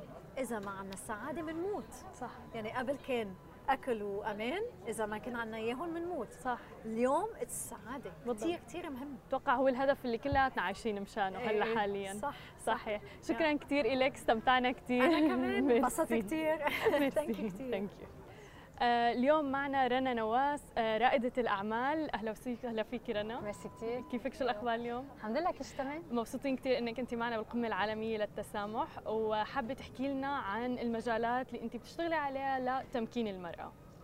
okay so أنا قضيت 17 سنة بال corporate world اشتغلت management consulting ومع حكومة دبي وبعدين قعدت 13 سنة مع شركة GE primarily بمجال ال aircraft leasing شو شفت ب GE؟ uh, كنت قائدة ال women's network لل Middle East North Africa و Turkey. so so كان في 700 مرأة تحكي لي تقول لي شو شو عم بيصير معها بحياتها. حلو. وهيك تعلمت كثير المرأة شو عم بيصير فيها بال workplace مش بس ب GE دبي. آه وين ما كان بالعالم حتى بنفس البناية. وبعدين وقتها صرت رئيسة Elevate دبي تعلمت إنه هالشغلة مش بس بال GE بس بكل شركات ال- العالم. ال private sector ومش بس عندنا بالمنطقة عالميا. صحيح. so so, كثير تعلمت من هالشغلة ومن وقتها صرت آه، صرت بتهمني كثير قصة تمكين تمكين المرأة. حلو. طيب شغلة تانية يعني أنت دارسة engineering هندسة. فكيف اتجهتي مثلا لعالم البودكاست إذا بدنا نحكي عن البودكاست تبعك وعن أمور تمكين المرأة وكل هالشغلات هاي وال workshops حتى اللي بتعمليها. إيه. so وقتها أنا صرت هلا كثير passionate advocate للمرأة آه، شفت إنه بال- بالعالم ال business بعالم ال corporate world وقتها كنت بجي شفت إنه النسوان يلي بالنص الشركة ما عندهم كثير role models يطلعوا فيهم لفوق. يا إما لأنه ما في كثير يا إما لأنه هالنسوان يلي أنا كنت منهم عم نسافر كل الوقت. حلو. عندنا regional صحيح صح. بقى هيدي أه، مشكلة كانت وهي المشكلة أنا بدي حلها. so شو عملت؟ شفت إنه إذا بدي حلها بدي لاقي حل عالمي. okay بدي جرب ساعد كل النسوان بالعالم يكون عندهم هال role models يلي مش عم بشوفون بال corporate world صحيح. وهيك بلشت بالبودكاست لأنه صراحة آه، البودكاست كثير هين الواحد يبلش بودكاست صحيح. وكان في أو أو في لهلأ وعندي مشكلة عالمية عم جرب حلها. وشايفين إنه 163 دولة عم يتسمعوا على وين ومن وين صحيح. okay so آه. بنعرف إنه هيدي مشكلة عالمية. صحيح. والحمد لله إنه ماشي الحال. طب كيف الصدى اللي عم تسمعيه من النساء؟ وحتى حتى بتوقع أكيد في رجال عم يسمعوا البودكاست تبعك إيه. yeah أنا بقول شي 20% من ال listeners هن رجال. فحلو رقم كبير آه. نسبة كبيرة. إيه نسبة كبيرة. وشو هن بيقولوا لي. الرجال هلأ مم. عندي كثير نسوان آه، بيبعتوا لي messages يا إما على انستغرام يا إما على لينكد ان عم بيقولوا لي thank you so much مش معقول قديش I feel inspired و I feel حلو. empowered وكل هيدا كثير حلو. لأنه عن جد بحط بحط effort كثير. بهالبودكاست بس كمان الرجال عم بيقولوا لي ليش عم تقولي إنه هي بس للنسوان هدول leadership lessons من leadership leading women حلو. بس هن leadership lessons so. الرجال كمان عم يستفيدوا هيك. عم بيقولوا لي حلو بتأمني بالمساواة بين الرجل والمرأة بامن بامن إنه هيدا الشيء آه، ضروري. لازم نحققه صح على أرض الواقع. yeah. طيب آه، إذا بدنا نحكي في كثير ناس بتحكي عن ال women empowerment أو تمكين المرأة إنه المرأة لا تحتاج تمكين. ولكن شو آه. رأيك بهذا الموضوع؟ لأنه فعلا صار كثير يعني متداول تحديدا على منصات التوا- التواصل الاجتماعي. so هذا الحديث هلكني. صح؟ لأنه هلأ نحن فينا نكون قوية قد ما بدنا. صحيح. okay بس إذا ما في قوانين يدعمونا أو يحمونا. طب وين لوين رح نوصل؟ إنه بلا ما نحكي حكي، تعالوا نشوف الأرقام،. بنشوف قديش في مثلا آه، بنعرف إنه النسوان عم تتخرج من الجامعات بأرقام هائله، صحيح. okay؟ أكثر من الرجال، طيب بنفوت على عالم الشغل كثير كثير أقل، عم بفوتوا على ال business world صحيح. نطلع لفوق بنشوف حتى كثير كثير أقل مما يلي فاتوا وصلوا لفوق. طب كيف كيف في مساواة؟ ما في. صحيح.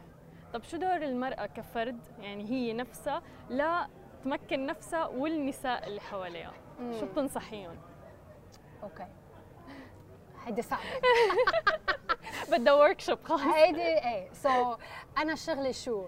أنا بعمل keynote speeches مم. مثل هلأ آه، بعد ربع آه، ساعة. عندي keynote speech وبعمل consulting لساعد الشركات يحلوا هالمشكلة. صحيح. وبعمل البودكاست. هدول الثلاث أشياء يلي بشتغلهم مشان ساعد المرأة. so, آه كل واحد لازم يعمل يلي فيه. هلأ هدول الأشياء هيدا شغلي هيدا أنا فيه. آه هيدا بمجال الشغل. بمجال ال- بالمجال اليومي شو فينا نعمل؟ فينا نعمل مثلا mentoring حلو. okay؟ minimum إذا حدا بيطلب فيني أسألك سؤال فيني أحكي معك استشيرك أكيد بدنا نقول إيه. صحيح. فينا مثلا إذا صاحبتنا بلشت آه، شركة أو business ندعمها. ندعمها. فينا نشتري منها. صحيح. مليون بالمية. مش إنه نروح نقول لها والله أنا صاحبتك أعطيني discount thank you so much هيك؟ is super important عن جد. so هيدا لازم نشتري منها. آه كمان إذا بنحكي نشتغل بشركة كبيرة لازم نشجع الشركة تشتغل آه sorry تشتري منها. صحيح. إذا عم تعمل شيء كثير منيح وحلو لازم نحط على ال social media تبعنا شو عم تعمل صاحبتي صحيح. right so هدول إشياء فينا نعملهم كل يوم لن لندعم المرأة. بس. أهم شيء أهم شيء أهم شيء هي الدعم بالكلمات. يعني آه، في شغلة نحن كثير منيح مع بعض النسوان إنه إذا خسرتي شيء أو صار شيء سلبي صح. حبيبتي ما ولا. يهمك ما آه. تعتلي همك. النسوان كثير منيح مع بعض بهالنسبة. صح. بس منا منيح مع بعض ندفعهم صحيح. لفوق. Be ambitious. do it. Go for that job. هالشغلة يلي فينا كثير نكون أحسن. صح. ولازم نعرف نحن إنه هالشغلة ambition شغلة منيحة. صحيح. ولما صاحبتي أو زميلتي عم بتقلي والله عم بفكر أعمل هيك عم بفكر أعمل هيك ندفعها ندفعها. هاي شغلة كثير هاي أهم شيء. إذا بدنا نساعد المرأة. صحيح وحتى يمكن لازم نوصل لمرحلة وقناعة اللي هو إنه القمة بتساعد أكثر من شخص وصلنا بالضبط وصلنا already يعني إيه. من 20 سنة القمة يمكن كانوا يخلوا للمرأة one spot صح. okay مشان هيك المرأة يعني لما توصل إيه. تحارب مم. لتصال وبعدين ما تخلي حدا مرأة تيجي صحيح. لأنه عارفة هي إذا حدا تاني إذا مرأة تاني ساعدت هي رح تصعد صحيح، صحيح. Alright؟ بس بطل ب- العالم بطل هيك صحيح. صار في كثير محلات فوق so بدنا بدنا أكثر بدنا محلات أكثر صحيح وبدنا نشجع بعض. لنوصل شكرا كثير لك ويعني حتى الكثير positive وإيجابي ال content اللي بتحطيه سواء على ال social media أو على البودكاست وكل المنصات تبعك. ويعني كنا سعيدين جدا يعني تجاه إنه ب Smashi TV تكوني معنا. وهي الإيجابية نشوفها على أرض الواقع وعن طريق ال TV. thank you so much thank you لك المديدي من Mental Unblock كيفك عمر؟ الحمد لله. شو الأخبار؟ الحمد لله بخير. وأخيرا معنا أنت اليوم. شكرا على الفرصة. آه، ولو. آه، احكي لنا أكثر عن Mental Unblock وشو بتعملوا فيه مشان العالم يعرفوا أكثر Mental Unblock طبعا هاي أول مرة أتكلم على Mental Unblock صراحة. آه وأول مرة إنه. أحد يسوي interview معايا. بالعادي يعني بالعكس بالعكس. ف I don't know إنه كيف راح تكون أجوبتي بس I'll do my best. Mental Unblock هي عبارة عن منصة إنه نسوي interviews مقابلات مع شخصيات معروفة. بال- يعني أغلب الأحيان يكونون business people. آه، اللي ابتدوا المشوار بدبي. فسوينا interviews مع أصحاب شركة The Entertainer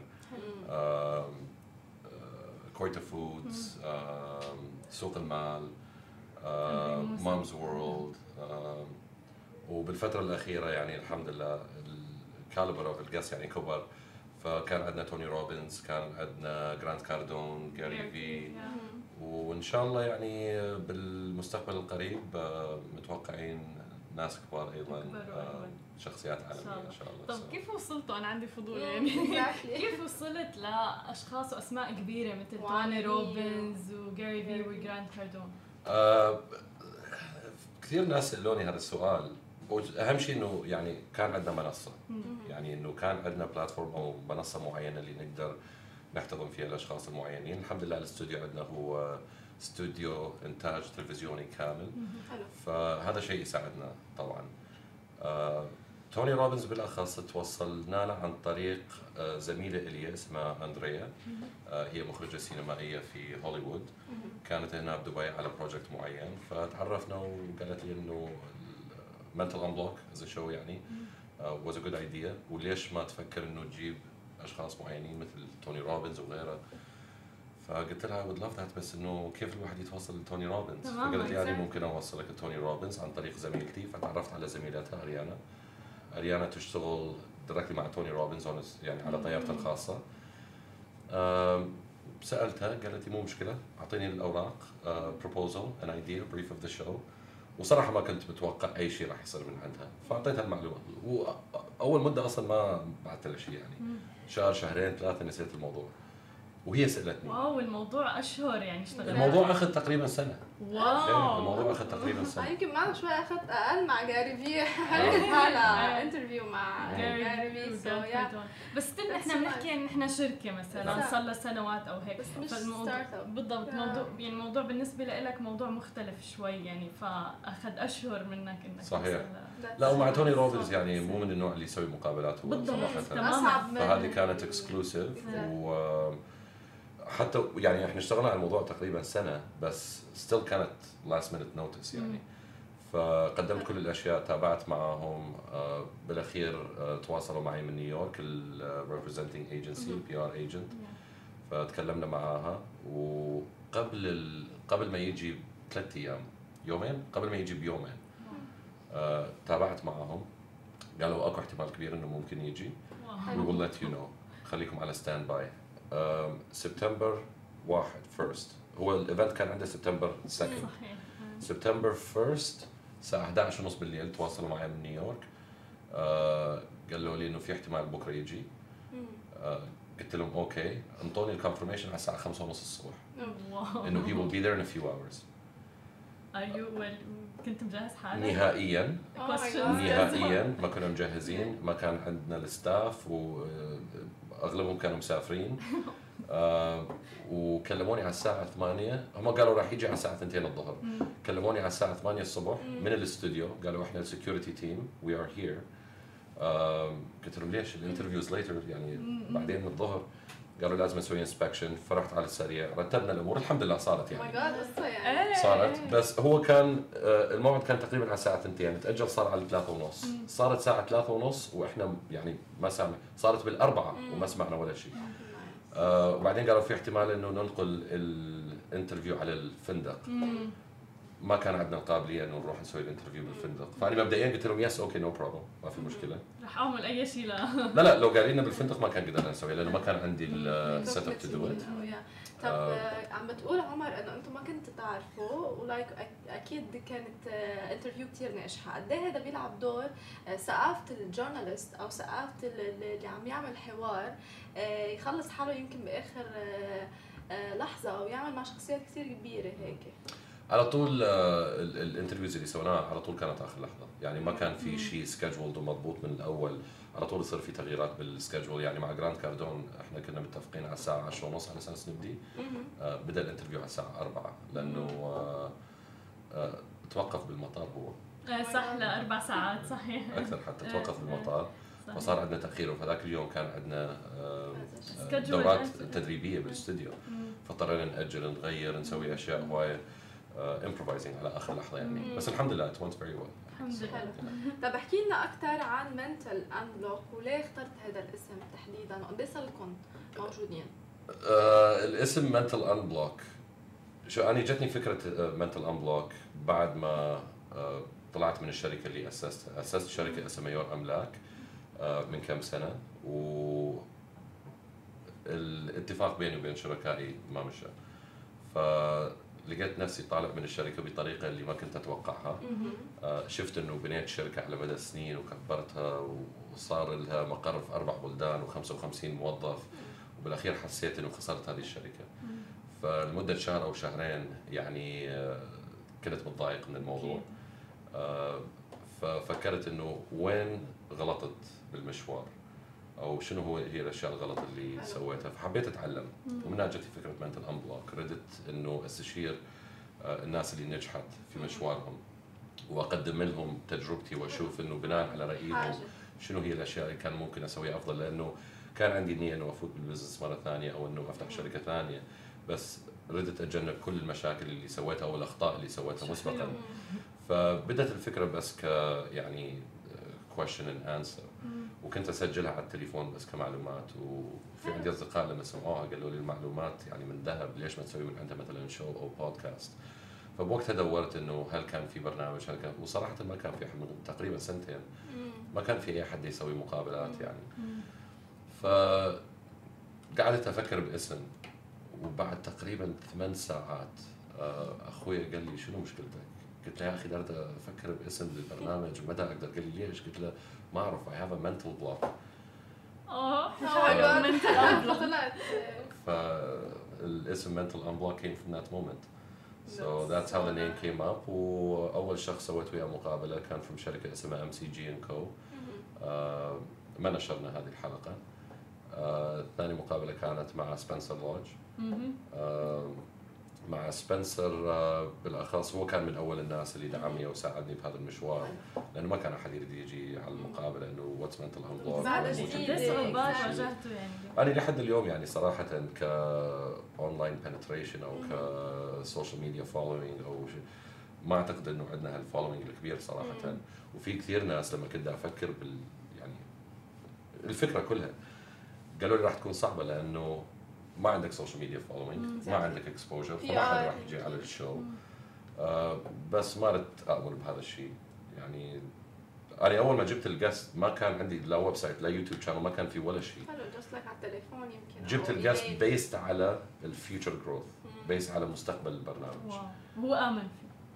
أيوه جو آمنوا يعني they were happy to صراحة عندي قبل هذا آه. السؤال أنت دارس شيء background journalism ولا بيولوجي آه exactly. totally different هذا اللي بيصدمك. أكثر بس لا عنده حتى نبرة آه، صوت آه، إيه إذاعية. جدا إعلامية صح إيه Thank you. جدا جدا ومو بس هيك هلا كل الناس بتشوف Mental Unblock وبتشوف فعلا ال- إنه موجود وعم بيعمل مع أسماء كتير كبيرة. بس ما حدا ما بيعرف ال backstory واصلا قد إيه أنت يعني أخذك لتوصل لهالمرحلة. صحيح. قد إيه في قدامك كمان يعني صحيح مشوار. صحيح صحيح. فمشان هيك فعلا يعني أنا أصريت وحبيت إنه اليوم يكون معنا عمر لنسلط الضوء على هذا الموضوع. هاي المسيرة اللي كل الناس يعني كثير منا بيطمح فيها بصراحة.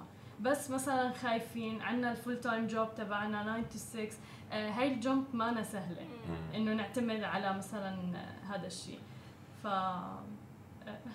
أنا صراحة بعد ما طلعت من الشركة وكنت بدي أفكر إنه أسوي Mental Unblock فكرت إنه هل يعني أقدم على full-time job 9 to 6 ولا هل I pursue something اللي يعني فعلا أرغب إنه أسويه.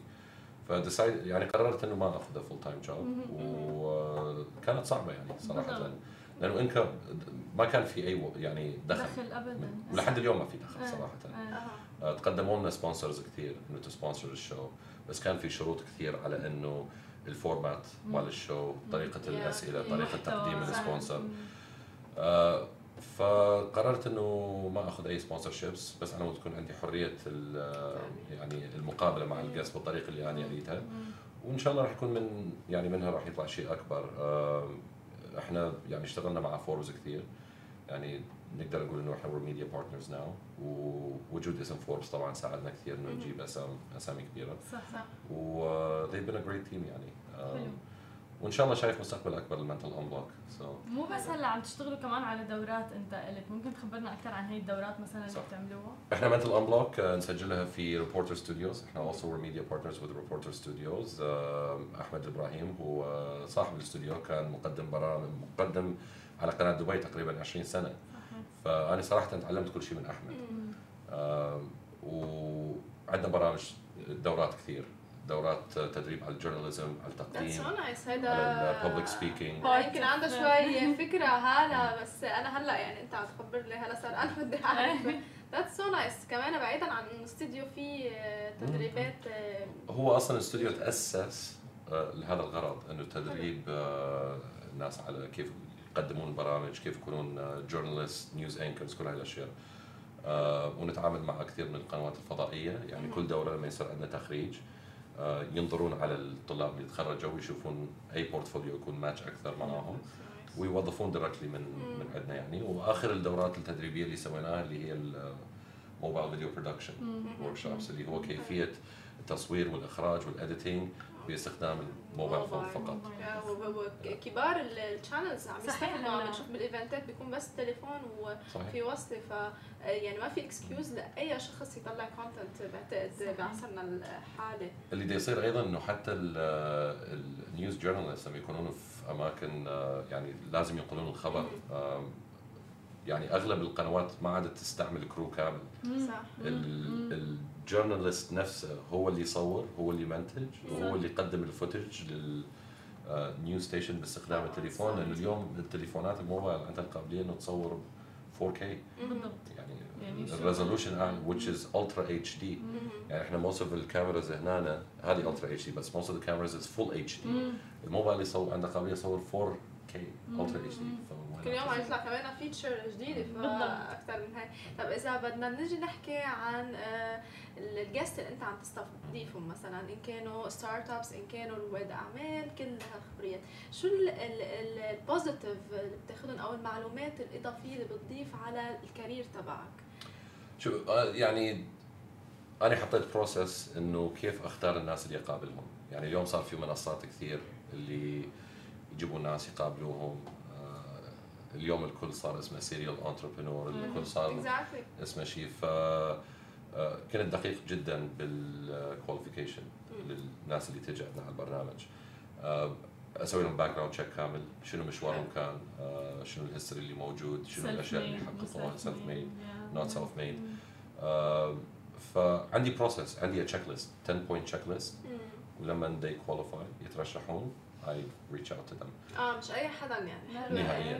نهائيا مبين ال quality of people فعلا يعني مختلفه تماما. مو بس بدي أعبي content حلو. واضح تماما. طيب, طيب إيه شو الإفادة عمر من المعلومات؟ تبعول هول الأشخاص بعيدا عن شو إفادة ال audience وشو بيوصلوا شو الفائده إنه يعني يكون عندي فرصة يعني 1 on 1 مع الناس اللي هم ناجحة فعلا الناس اللي they fail وبعدين نجحوا وعندي ال opportunity إنه أجلس معاهم 1 on 1 انه أسمع من عندهم مباشرة بس بنفس الوقت إنه نش- يعني نوصل هاي المعلومات للعالم باقي الناس. آه، بالإضافة طبعا إلى ال- العلاقات اللي اكونها مع الناس. يعني أغلب الناس اللي جبتهم عندي بالمقابلات هم اصحاب شركات كبيرة صار عندي تواصل معهم مباشرة عبر التليفون. أغلبهم صاروا أصدقاء. يعني وصلنا إلى مرحلة إنه كنت أجمعهم مرة بالشهر. آه،. نطلع نتعشى. آه، مع بعض. ويعني we enjoy our time لأنه كلنا آه، نعتبر. like-minded آه، ف باخر اليوم تعتبر networking and relationships فهاي أكبر فائدة يعني. ودروس تعليمية بالنسبة لي شخصيا يعني. كمية المعلومات اللي حصلتها من هاي الناس يعني is invaluable صراحة. أنا أول ما حكيت مع عمر كنا عم نحكي إنه عم بيقول لي ليش أنا؟ ليش بدي أطلع؟ شو بدي أطلع أحكي؟ أصلا I'm not qualified إني أحكي ومصر إنه هيك، فكنا عم نحكي هلأ كمان أنت عم تقول إنه كل العالم حاطين entrepreneur serial entrepreneur على مثلا ال bio تبعهم، من مين لازم ناخذ نحن نصيحة؟ بما إنه هلأ وين- وين ما فتحت أي social media معبى نصايح، آه، شو يعني I'm happy إنه سألتيني هذا السؤال I don't know how to answer. لا لأنه ما أريد أقول شيء غلط اللي ممكن أحرج به أحد يعني بس آه، اللي صار أنا تواصلوا معي كثير ناس. أريد نسوي معك interview أريدك تسوي public speaking أريدك تسوي فلان وفلان وفلان شيء. ويعني it's flattering بس بنفس الوقت إنه اليوم فعلا من الأشياء اللي دا أشوفها اللي ما قاعد أفهمها. إنه يعني مثل ما يقولون sorry بس كل من هب ودب صار يطلع. يقدم شيء يعطي نصائح. وصار معي موقف شخصيا اللي كنت آه آه بنقاشات مع مستثمر. إنه ردنا نكبر Mental Unblock آه نسويها platform يعني كبير جدا. وكنا نتكلم على مستوى investment يعني كم. مليون دولار يعني على مبالغ كبيرة. آه وكان في شخص معين آه اللي التقيت فيه اللي هو كان serial entrepreneur كان شاب صغير. واخترع كذا platform و application و إلى آخره. وصراحه يعني آه كان impressive آه لما جلست مع ال investor وعرفت عليه بعد ما خلصنا الاجتماع قال لي إنه أنا ما كنت متوقع هذا الشيء راح يصير. أنا عارفك already أنا already interested ليش دخلت هذا الشاب قلت له I think there's a lot of value to offer. فقال لي ما في مشكلة آه، بس طبيعي if we're talking about a few million dollars لازم أسوي يعني background check due diligence قلت له okay رد- قال لي انطيني يومين ثلاثة. رجع لي بعد بنفس اليوم بعد ساعتين. قال لي ممكن تبعت لي ال online platforms أو ال applications عشان يعني اي كان see it آه، للشخص اللي معي للشخص كلمت الشخص آه، وباختصار آه، الأجوبة كانت إنه هذا ال platform بعد ما خلص هذا ال platform بعد ما أدري شنو. بنهاية النقاش انتبهت إنه ما كان في حتى company registration لأي شيء من الذكاء وبعد ما انتبهت ما كان في any proof of anything وبغض النظر الشخص هذا يطلع بكثير من ال platforms ك serial entrepreneur وينطي خطابات فأني من هذه من هاي اللحظة صرت أفكر إنه ليش ما في any qualification process؟ ليش ما في any background checks؟ يعني اليوم المنصات صارت موجودة متوفرة للكل والكل يقدر يجي ويتكلم و he can يعني relay information بس I think إنه يعني في مسؤولية معينة على الناس اللي تنشر هذا ال content إنه to do background check ويتأكدون من هاي الأشياء. فردت أتأكد أنا شخصيا إنه إذا أحد طلب مني إنه أطلع أقدم شيء اولا أريد أتأكد إنه أنا وصلت مستوى نجاح أو حققت أشياء معينة في حياتي اللي أنا فعليا يعني فخور بها. As of now الحمد لله يعني ال process has been good بس يعني بعد أعتقد إنه في عندنا مشوار طويل قدامنا. وحبيت إنه فعلا أقدر أقدم value للناس اللي يسمعون. ولذلك قلت إنه why me maybe later. نحن أصلا اسمع TV it's casual conversation نحن كل يوم نتعلم مع ال guest اللي حتى آه. بنستضيفهم يعني معنا. فقد إيه أنت عندك معلومات من كل هول اللي عم تستضيفهم؟ فهذا كمان بضيف شيء لنا وللمشاهدين أكيد. إذا. إحنا في. في شيء interesting by the way في كثير من الناس اللوني قالوا لي أنت تركز كثير على آه، اسامي كبار ناس ناجحة. فلان من this big company. فلان multinational التوني روبنز الجاري في جراند كاردون آه، ليش ما تستضيف ناس اللي هم بعدهم هسه بعدين اللي هم. بعدهم startups ودي يبنون ودي يحاولون؟ وصراحة أنا Mental Unblock لما أسستها أيضا كنت أريد أنطي spotlight لهذول الناس. آه، واحد من الأشخاص اللي جلست معاه بالأخص آه، قلت له إنه أريد أركز إنه أجيب ناس اللي هم بعدهم ما صارت لهم فرصه يكبرون على مود يعني to share their story أيضا. آه، وجذب انتباهي على شيء معين. قال لي نصيحتي لك لا تسويها. قلت له ليش؟ ليش؟ why not to support يعني entrepreneurs ببدايه المشوار مثلا؟ قال لي لا support them. أنت you are supporting them بالطريقة اللي قاعد تأديها حاليا اللي هي قاعد تأخذ نصائح من الناس. اللي وصلت ونجحت على مود هم يتعلمون. فأنت تقدم هذا ال support ولكن إذا جبت شخص اللي هو بعده ما مر بال entrepreneurial journey كلها وما نجح ممكن يقدم معلومات غلط. ممكن إنه الناس ياخذون منه أشياء ما تكون هي مثبتة وما تكون صحيحة. فمن الأفضل إنه على مود to support هذول الناس get somebody who has done it to support them better. فمن بعدها يعني شفت الفكرة إنه الكلام كان صحيح.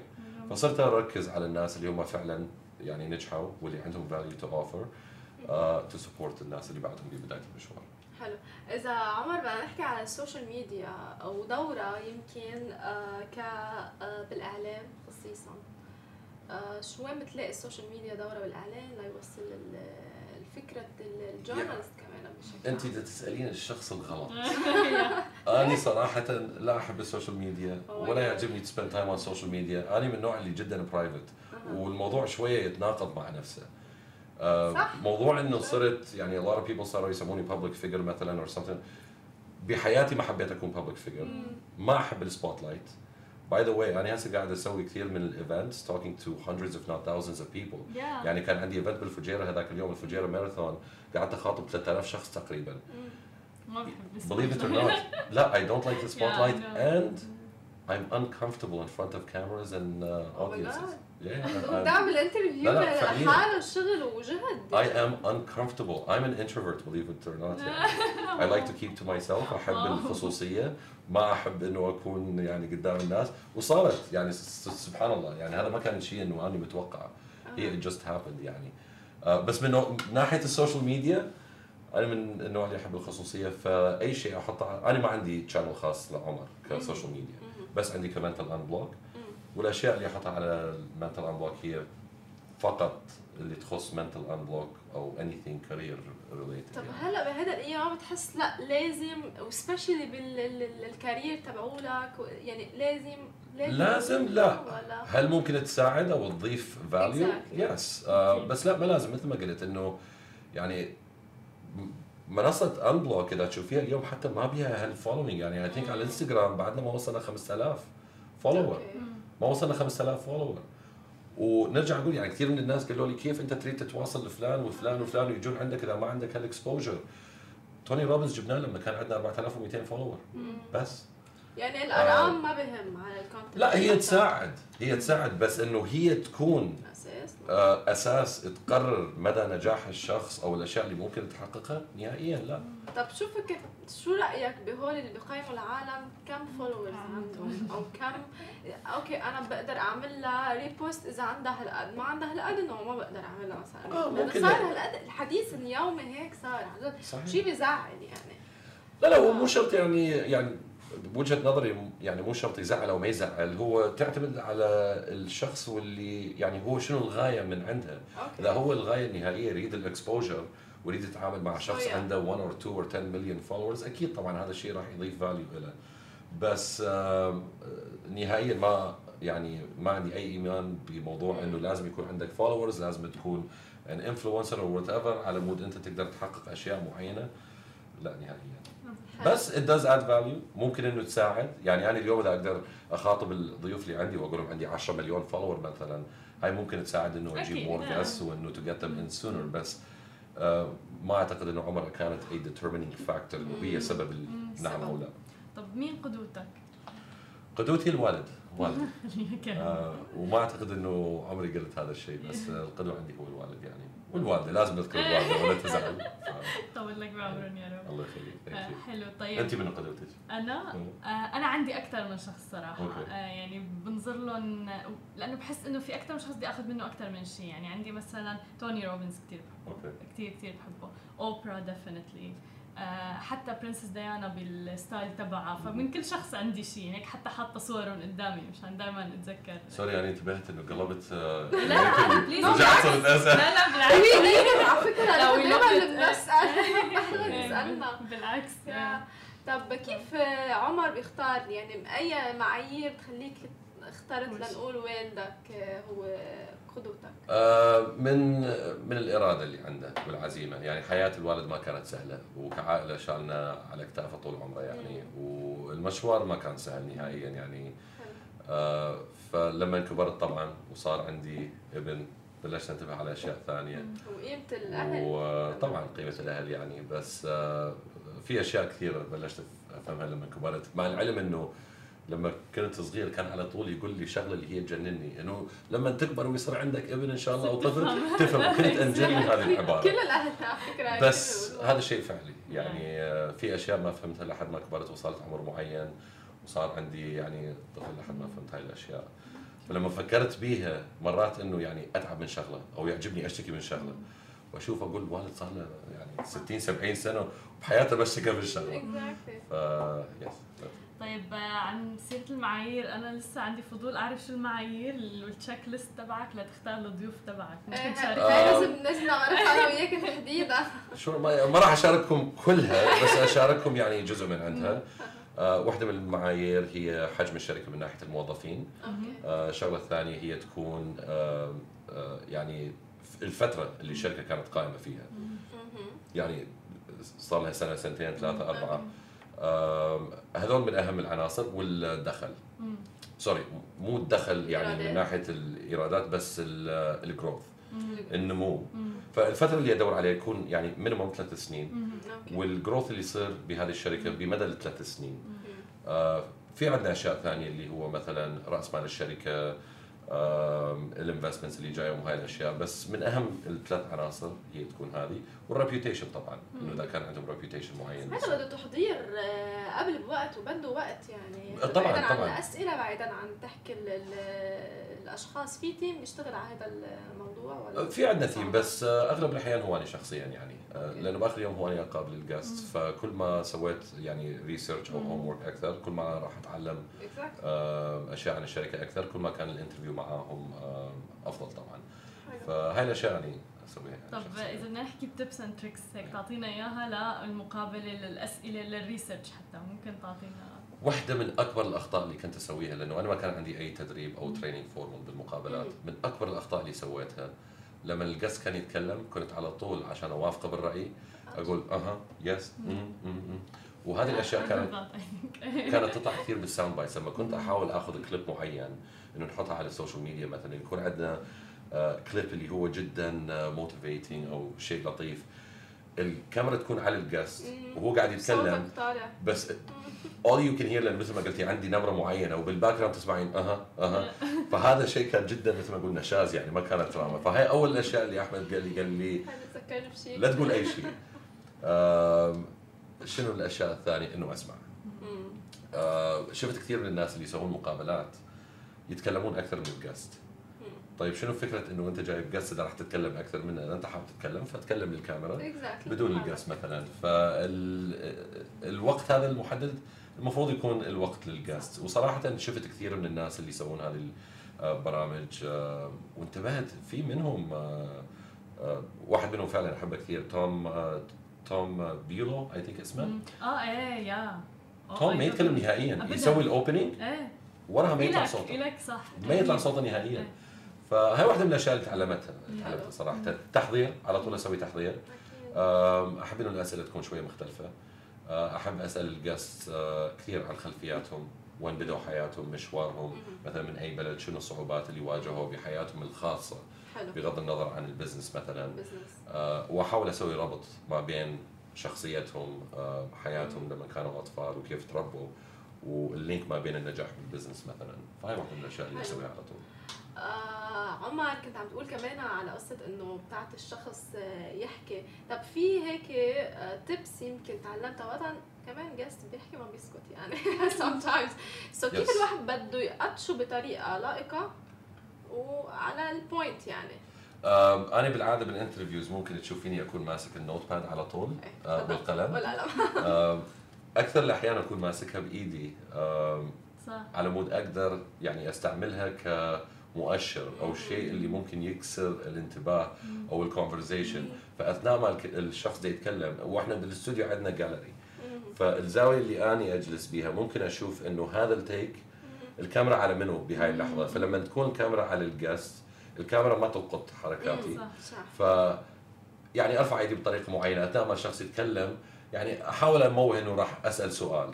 هذا شيء على طول يكسر ال آه،. فكرني بحالي لأنه هلا في كاميرا نحن ما في تقطيش سو أنا بطلع على الكاميرا بحاول أعمل شيء بدي أسأل يعني بدي بدي أسأل الأسئلة اللي عندي. إياهم. كمان بنفس الوقت تعطي حقه وكمان اللي عم بيحضر واللي حضر قبل بالنهار وبالجمعه بده ياخذ حقه كمان بال بال interview بشكل عام وعلى قصه أنت بمجرد ما ترفعين القلم إذا رفعت القلم راح تشوفين إنه هي يعني.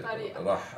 distract الشخص لما you point with your pen على أي احد بس ترفعين القلم شوي راح تنتبهين إنه هذا شيء ممكن يساعد حلو حلو ال- طب إذا بدنا نحكي شوي هلأ على ال business نعم. شفنا استحواذات كتير كبيرة عم بتصير specially هون بالمنطقة وأنت كل ال information عم تعطيني اياهم نصايح وهيك. هل آه، سألت يمكن آه، عالميين guests اجوا لعندك آه، عن أو حتى هون بالمنطقة العربية على الاستحواذ الكبير اللي صار بين اوبر وكريم وبين كمان سوق دوت كوم وأمازون؟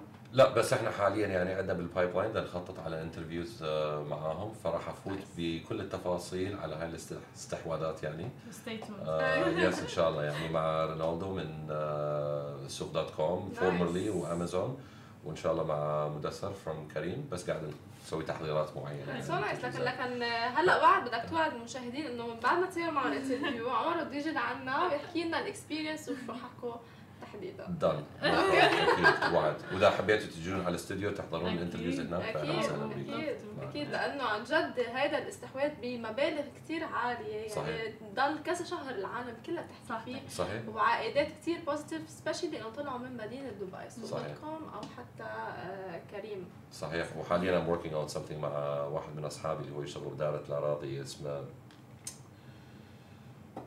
محمود البرعي sorry مع محمود البرعي اللي دا يشتغل على كتاب و project لطيف جدا اسمه made in دبي حلو. آه، والفكرة إنه هي from Dubai to the world يعني اللي من. ضمنها المفروض تشمل كريم وأشياء ثانية. بس آه، إيه استحواذ آه، كريم 3.5 بليون دولار طبعا يعني. كبير. مبالغ ضخمة جدا. هيوج طب عم تحكي لنا أنت عن مشاريعك. خلينا خبرنا شو مشاريعك المستقبلية؟ أو وين بنشوف عمر و Mental Unblock من هون مثلا لعشر سنين؟ Mental Unblock إن شاء الله في برنامج كنت أشوفه آه، من زمان برنامج عالمي اسمه 60 minutes ما أعرف إذا حاضر أو لا. حبيت Mental Unblock يكون يعني على مستوى 60 minutes مثلا بال Middle East اللي هي قابل بها أكبر الناس وأكبر الشخصيات اللي ممكن حتى توصل كرؤساء دول أو بلدان. آه، إحنا لما بدينا Mental Unblock حطيت starting point وحطيت ما أريد أسميها ending point. بس فعلا بوقتها قلت إنه إذا وصلت لهي المرحلة فأني خلاص ممكن إنه بعد أقعد ممكن حتى أحط شخص ثاني إنه هو يكمل آه. Mental Unblock وأني خلاص أعتبر نفسي I reach ال success اللي أريده مين هي آه، آه، الشيخ محمد المكتوم إن شاء الله أنا on my list Uh, that's where I wanted to get. Yeah. As maybe the ultimate entrepreneur or something like لا that. So, تعمل آه، مقابلة. مقابلة مع الشيخ محمد المكتوم. آه حلو إن شاء الله تماما. أنا فعلا حاطة على ال list تبعي يعني الأشخاص بعدين آخر شيء قلت إن خلص شاء الله. كان إيه، تعملوا خلص. هيك إن شاء الله. ال interview you have تحطي الأهداف يعني أمامك لفعلا إنه توصلي لها. فحاطة إنه يعني حتى محمد العبار كذا هيك الأشخاص اللي مم. بدي اعمل حلو. معهم interview ف يعني كانت ال starting point خلينا نقول هلا جاري إن شاء الله برأيك. الشغف عمر الشغف قد إيه آه، سر نجاح الشغف عشان آه okay آه مو طبعا هو عامل مهم جدا. آه بس أهم من ال passion I think هي الإرادة. مم. آه ولما أقول إرادة القابلية على عدم الاستسلام. بس طبعا هذا كله مبني على الشغف. فالشغف طبعا راح يكون عنصر رئيسي ومهم. آم، الشغف أو ال passion ممكن هو يكون الدافع الرئيسي بس العامل الأكبر من هذا كله هو الإرادة والقابلية على مثل ما قلت عدم الاستسلام. هذه هي أهم شغلة أعتقد يعني وجهة نظري. حلو. nice ما عندي بعتقد عندي كثير أسئلة. أنا أنا؟ كثير عندي.